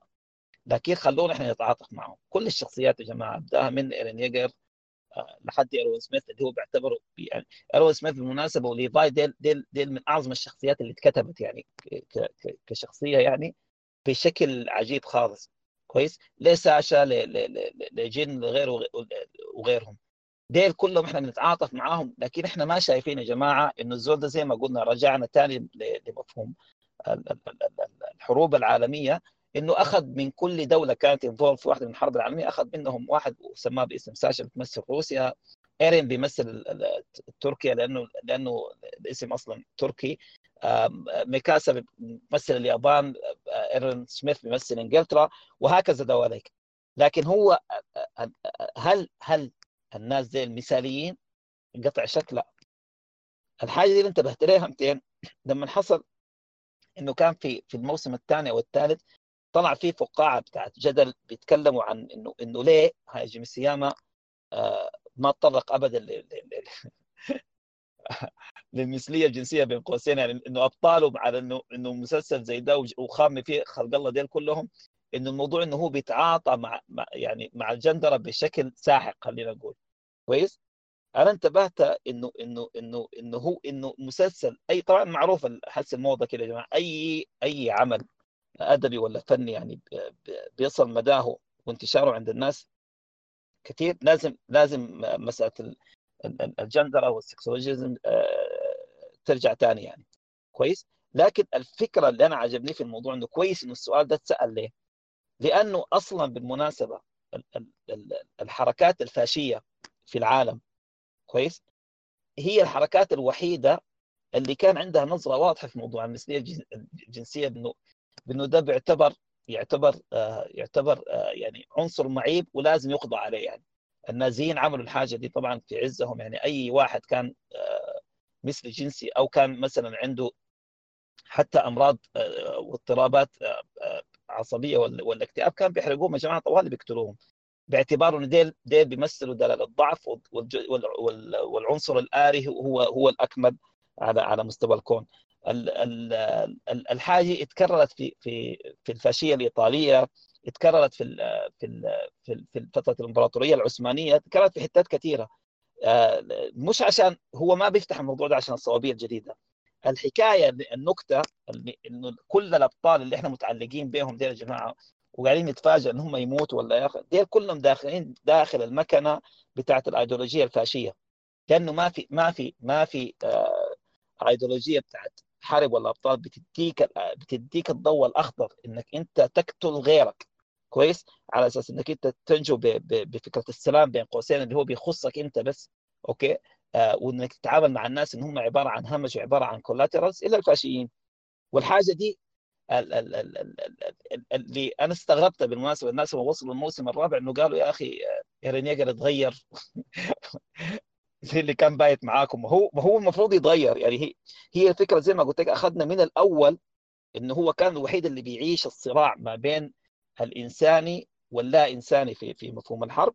لحد ما جابنا الأخير على أساس إحنا نشوف إنه إنه إنه فعلا إنه الناس كلهم طبعا هو تعب في المسببات كل شخصية من الشخصيات زي ما قلت لكم تعاطيها مع موضوع مع موضوع الحرب والسلام.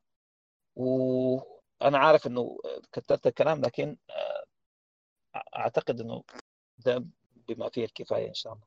شكرا جزيلا لك شكرا لك يا مولانا. أنا يعني تعتنا شديد الصراحة يعني الصراحة ما, ما نفسي إنك توقف يعني. والله ما نفسي إنك توقف ابدا. آه قلتها بتاعت تحول ايرين دي عايز أسألك فيها يعني. ما ملاحظ إنه تحوله كان سريع شوية اللي كان في آخر موسم ده؟ يعني انتقال من شخصية كانت عاطفية بشكل بحت ومشاعره فياضة وبنشوفها في أبسط أبسط مشهد ممكن يبقى دراما بسبب كلمة أو كلمتين يبقى زول بالبرود اللي شفناه في الموسم الرابع. آه بالعكس أنا شايفه يعني مبرر مش كمان مبرر دراميا يعني هاجم سياما ما أخذ الموضوع ده صدفه يعني. اللقاء اللي هو كان آه، آه، في القبو ده بالمناسبة يعني آه، كان بيعتبر لقاء رهيب خالص. ليه؟ لأنه الفترة الانقطاع ما بين الموسم الثالث والرابع فطن ييجر لحاجة مهمة خالص.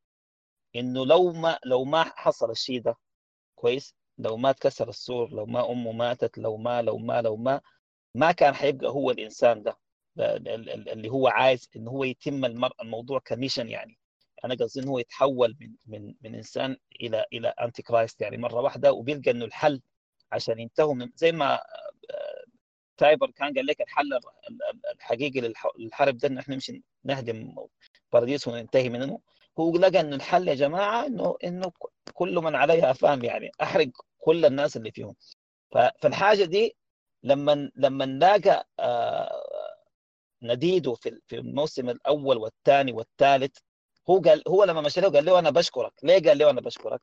قال يعني لو ما أنت يعني زي ما أنت أخذت الخط من من من أول لحد ما وصلت لحد الجدار الأول قال أنا لقيت انه انه إنه أصلا أنا ما لقيتك إلا عشان اقطع البحر واصل للجدار الثاني يعني قال لو ما لو ما الشخصية دي ما كان حي... ما كان حيتقبل التبرير بين قوسين اللي هو الأخلاقي إنه هو إنه هو يهد كل حاجة وإنه هو يبقى الشيطان بس على أساس إنه هو ينتهي من ده كله يعني.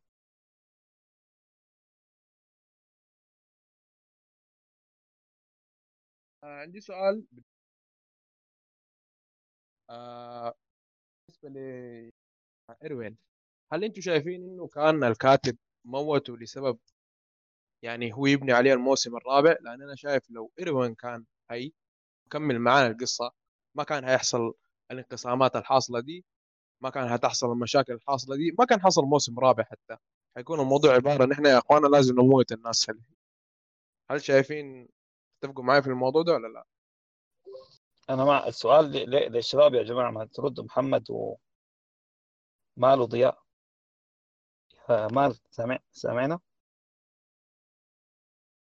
آه السؤال السؤال كان إنه آه هل كاتب إنه كان موت إيروين لسبب معين؟ ما, ما, ما كان موت ساي لسبب إنه عشان أقدر أعمل موسم رابع لأنه إيروين ده أتوقع أنا عن نفسي لو كان موجود ما كان هتحصل المشاكل دي ما كان يحصل الانقسام آه الموجود الحاصل في السور فهمت عليه فهل هو موته عبارة عن هل هل لو كان موجود مثلا حيغير حيكون نفس الانقسامات دي ولا حيكون الناس ماشيين في وجهة واحدة؟ وما حيكون في موسم رابع حتى. حيكون خلاص نحن مشينا نحاول نموت الناس اللي خارج الاسوار هو ده كان سؤالي هو هو هو كان لازم يموت. يعني أنا شايف بردوس عايز اجاوب عنده مداخلة. بس عموما هو كان لازم يموت لأنه لأنه آه، زي ما قلت لك هو أقدس شخصية بين قوسين من كل شخصيات الأبطال اللي معانا. دي كان شخصية ايروين سميث. آه، لأنه لأنه هو اللي قدم يعني بمفهوم الشهيد المطلق يعني. إنه إنه يعني حقق أعلى درجة من درجات البطولة. إنه هو يضحي بنفسه ويستأذن أصحابه إنه هو يضحوا معاه كويس. ومع إنه هو كاتلاه طول الفترة دي كان زيه زي إيرين ياجر كان بيفتش عن المعرفة بس عايز يعرف الحرب اللي هو فيها دي أصلا سببها شنو كويس. لكن لقى إنه لما حتى الإجابة دي ما قدر يوصل لها إنه هو ممكن يضحي بحياته نفسها على أساس إنه هو آه، يوصل لآخر مراحل المجد اللي فيها. وده بالمناسبة هي تقدمة لعظماء يعني بمفهوم الساموراي بالمناسبة. يعني دي تقدمة لعظماء المحاربين اللي كانوا عندهم نفس نفس الذهنية. بعدين بعدين بالنسبة لإيروين أنا شايف إنه كان عنده بيربس معين. ولو مثلا كمل معانا وشافوا اللي هو إنه داير يأكد حلم أبوه أو معرفة أبوه بإنه كان في ناس خارج الأسوار. أيوه وده كان امله في الحياة كلها. فعشان كده هو مات. لأنه لو عرف ما كان حيكون عنده موتيفيشن لقدام. فهمت علي؟ هو لقى لقى انه هو بين بين واحد من اثنين. يا انه هو يعرف يا انه هو يموت. فهمت قصدي؟ فقرر انه هو يموت عشان اللي بعديه يعرفه. فهمت قصدي؟ لو ما مات هو الناس اللي بعديه ما كانوا ما كانوا حيعرفوا فهو كان عنده نفس المعضلة بتاعت المعرفة اللي موجودة عند الأميرة نفس المعضلة بتاعت المعرفة اللي كانت موجودة عند عند إيرين نفس المعضلة بتاعت المعارف اللي كانت موجودة عند عند إيرين ييجر كلهم عندهم نفس المشكلة. لكن قلت لك ديل كلهم ماتوا أو خلينا نقول عدم المعرفة حولتهم لناس ثانيين لكن هو حافظ على كل إنسانيته مع إنه هو ما وصل المعرفه عشان كده بقول لك إنه هو ده يعني بيعتبر يعني هو هو البطل المطلق. كموقف في في ابطال في ابطال اتاك تايتنز يا مال امسك الفردوس عندك مداخله تفضلي وما امسك الرصه عليك الله أوكي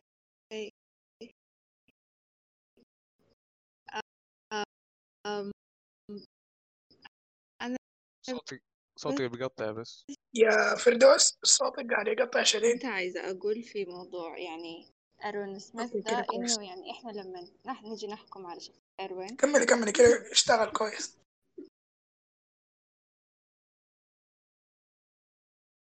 طيب كده مسموع. أي أي. أيوه أيوه.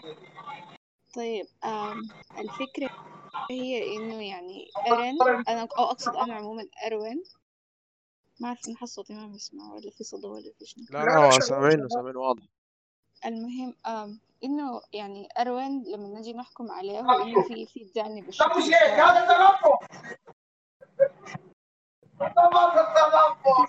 اللي عنده إزعاج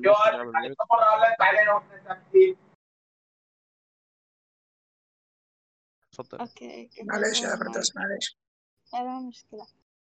أم إنه هو في الجانب في الجانب بتاع الموتيفيشن الشخصي بتاعه في اللي كان حاصل ده. إنه السبب بتاع إنه إيروين كان بيطلع برا الأسوار وكان بخاطر بفيلق كامل بيتكسح في ضربة واحدة. هو كان عنده يعني حماس burning desire إنه عشان يعرف عشان يعرف الحاصل شنو. وفي الجانب بتاعه بتاع يعني القصة الشخصية بتاعته بتاعت قصة والده واللي حصل له بسبب إنه هو كان عشان يعني البحث بتاعه لأجل المعرفة وداه وين. فال two factors الاتنين ديل اتلموا. وخلوا إنه يعني إنه هو يقدر يكون قادر إنه يمشي قدام دايما وشينزو ساساجي تاني في ال factor بتاع إنه يعني اللي بيختلف يعني في حتة بتختلف بين أروين وبين أرن إنه أروين قدر قدر قدر الحماس الشخصي يتطابق مع ال collective good مع الخير اللي بيرجع العام سواء للفيلق سواء ل... ل يعني السكان بارادايس كلهم. إنه يعني في النهاية السعي المستمر بتاعه بتاع قدام ده قدر كل مرة يوصلهم خطوة فعلا لقدام. إنه يعني الحاجة اللي يعني الهيئوها له دي ولا شنو؟ ما في بيت الشعر نسيته. إنها فعلا كانت يعني نأى بنفسه أن يرعى مع الهملي. عكس عكس أرن اللي هو يعني إنه أخذ فترة طويلة طويلة هو بيتحرك بين أقصى إلى أقصى يعني زي البنادول ما ما بيمر على الحاجات في النص. يعني أرن ده يا إنه أمر البشرية داخل الجدران وأنا حأقتل كل التايتنز. يا إنه أنا زول ما مني فايدة أقتلوني أكليني هيستوريا أنا أتلاشى الحل. فدي ده ال contrast أنا بقدر أشوفه بوضوح شديد. بين يعني إيرين وإيروين يعني إنه أنا الزول عنده مثلا شغف شخصي أو حاجة شخصية أو هدف شخصي ما بقدر أحكم على الحاجة دي إنها حاجة كعبة ولا كويسة ما لم أشوف أثر على الناس الباقيين. دي دي حاجة. تاني حاجة بالنسبة لإنه إروين ليه كان لازم يموت. إروين لو ما مات كان حيكون شخصية ميتة لو واصل معانا الحاجة الملاحظة إنه يعني في أتاك أتاك ما فيها protagonist ما فيها antagonist إحنا شفنا في الجزء الرابع إحنا حتى لما بدينا نشوف نشوف ايرين وجماعته بدينا نشوفها من الحلقة الثالثة والرابعة. إحنا أصلا بقينا شايفين يعني في قصة تاني خالص في مكان تاني خالص وإنه فعلا كان ممكن ال ال اللي اسمه شنو ال يعني ال بيقولوا على شنو القصة كان ممكن تمشي أكتر بإنها يعني بدون بدون شخصياتنا بالنسبة لنا كان أرن كان ياهو ناس بارادايز اللي إحنا خليناهم في الجزيرة آخر مرة. وأنا شايفة يعني إنه حتى أتاك ده ممكن يتحضر بالمقلوب. يعني أنت ممكن تبدأ من الجزء الرابع وتمشي عكس أو ممكن يتم إخراجه بالمقلوب. إنه حرفيا أتاك دي ما فيها ما فيها central character لا إيرين لا غيره. وإيرين ده أنا يعني ما عارفة أقول الحاجة دي ولا لا. إنه ده ممكن بكرة دي يموت وال... وال... وأتاك تتواصل بدونه عادي وتكون القصة more engaging وإحنا مستمتعين بها وإحنا دايرين نحضرها أكتر. فدي دي الحاجة ما تقلل من إيرين أنا ما بقلل من إيرين هو قليل دي دي لا لا لا لا هذا نتشاكل بعد كده؟ لأنه طيب بس خليني أنتهي. أكمل كمان نقطتك أروى؟ محمد بعد ما تخلص بعد ما تخلص بنتفاهم في الموضوع. ثواني بس خليها تخلص. الناس يقربوا من التعليقات. اللي بيحصل إنه يعني إروين الحاجة اللي كان بيمثلها ما ما في ما في حوجة لها في الع... في عالم ما بعد المعرفة. يعني حتة إنه الحاصل شنو والهدف منه شنو ونحن بنعمل كده لإيه وحنوصل لشنو. دي أسئلة في عالم ما بعد بارادايس وما بعد إنه اتفتحت الذكريات للناس. ما عندها ما عندها وجود. تاني حاجة إيرين ده إيروين حقق أعظم حاجة ممكنة وأعظم أعظم تضحية وأعظم اجتهاد بالنسبة له. أم إنه يعني أنا بالنسبة لي الحلقة يعني الحلقة أكتر حلقة أنا أنا صراحة كنت كنت يعني أنا عندي trust issues كنت very كنت بالنسبة لي إيروين سميث ده موضع بتاع الشك بسبب يعني ال نقول اللي كان بيقولوا على الناس التهور بتاعه. ده إنه نظام التعسس لشنو يا إنسان. أنت بتعمل في لكن الحلقة ب... أو بالضبط النقاش الخاضه مع ليفاي وبالضبط ليفاي السؤال اللي سأله له زمان لما كانوا عملوا الانقلاب لما قال له ولو ولو ما قدرت أعرف أعمل شنو. اللحظة دي يعني بتمثل عظمة العظمة بالنسبة لإيرين. إنه لو ما كان ضحى بنفسه وتوفى أو يعني ومات كان حيلغي ال legacy بتاعه تماما. فأنا بالنسبة لي يعني دي دي دي ياهو دي, دي الحياة العظيمة اللي كان ممكن. تمشي وبس يعني. فأيوة هو كان لازم يموت وهو يعني الموت بتاعه ده هو ال optimum يعني دي أعظم حاجة هو عملها بالنسبة لي في أتاك وشكرا. شكرا شديد لك يا فردوس. أعتقد والله آراء كثير مننا يتفق معاه وكثير مننا يختلف معاه في نفس الوقت خصوصا فيما يتعلق بإيرين. أكيد من ناحية إيروين ده مقتنعين كلنا بالضبط زي ما بتقول آه ربع آه طيب يا جماعة أعتقد إنه نحن يعني مش طولنا. نحن تبحرنا تبحرا يعني كده ما له نهاية. ويعني يطول الحديث والله يطول الحديث شديد. ولكن لكل الناس اللي بتسمعنا يعني نتمنى إنكم كنتوا قاعدين تسمعونا لايف وتشاركونا بأسئلتكم وحاجاتكم ولكن نحن مضطرين نختم. ويعني نذكركم تذكير سريع كده إنه كل النقاشات على نفس الشاكلة دي سواء في عالم الأنمي في عالم السينما الثقافة أو أي موضوع أنت مهتم به حتلقى لنا في حساب براح. على تويتر أو على الفيسبوك ونتمنى أنكم تشاركونا في باقي في باقي جلساتنا.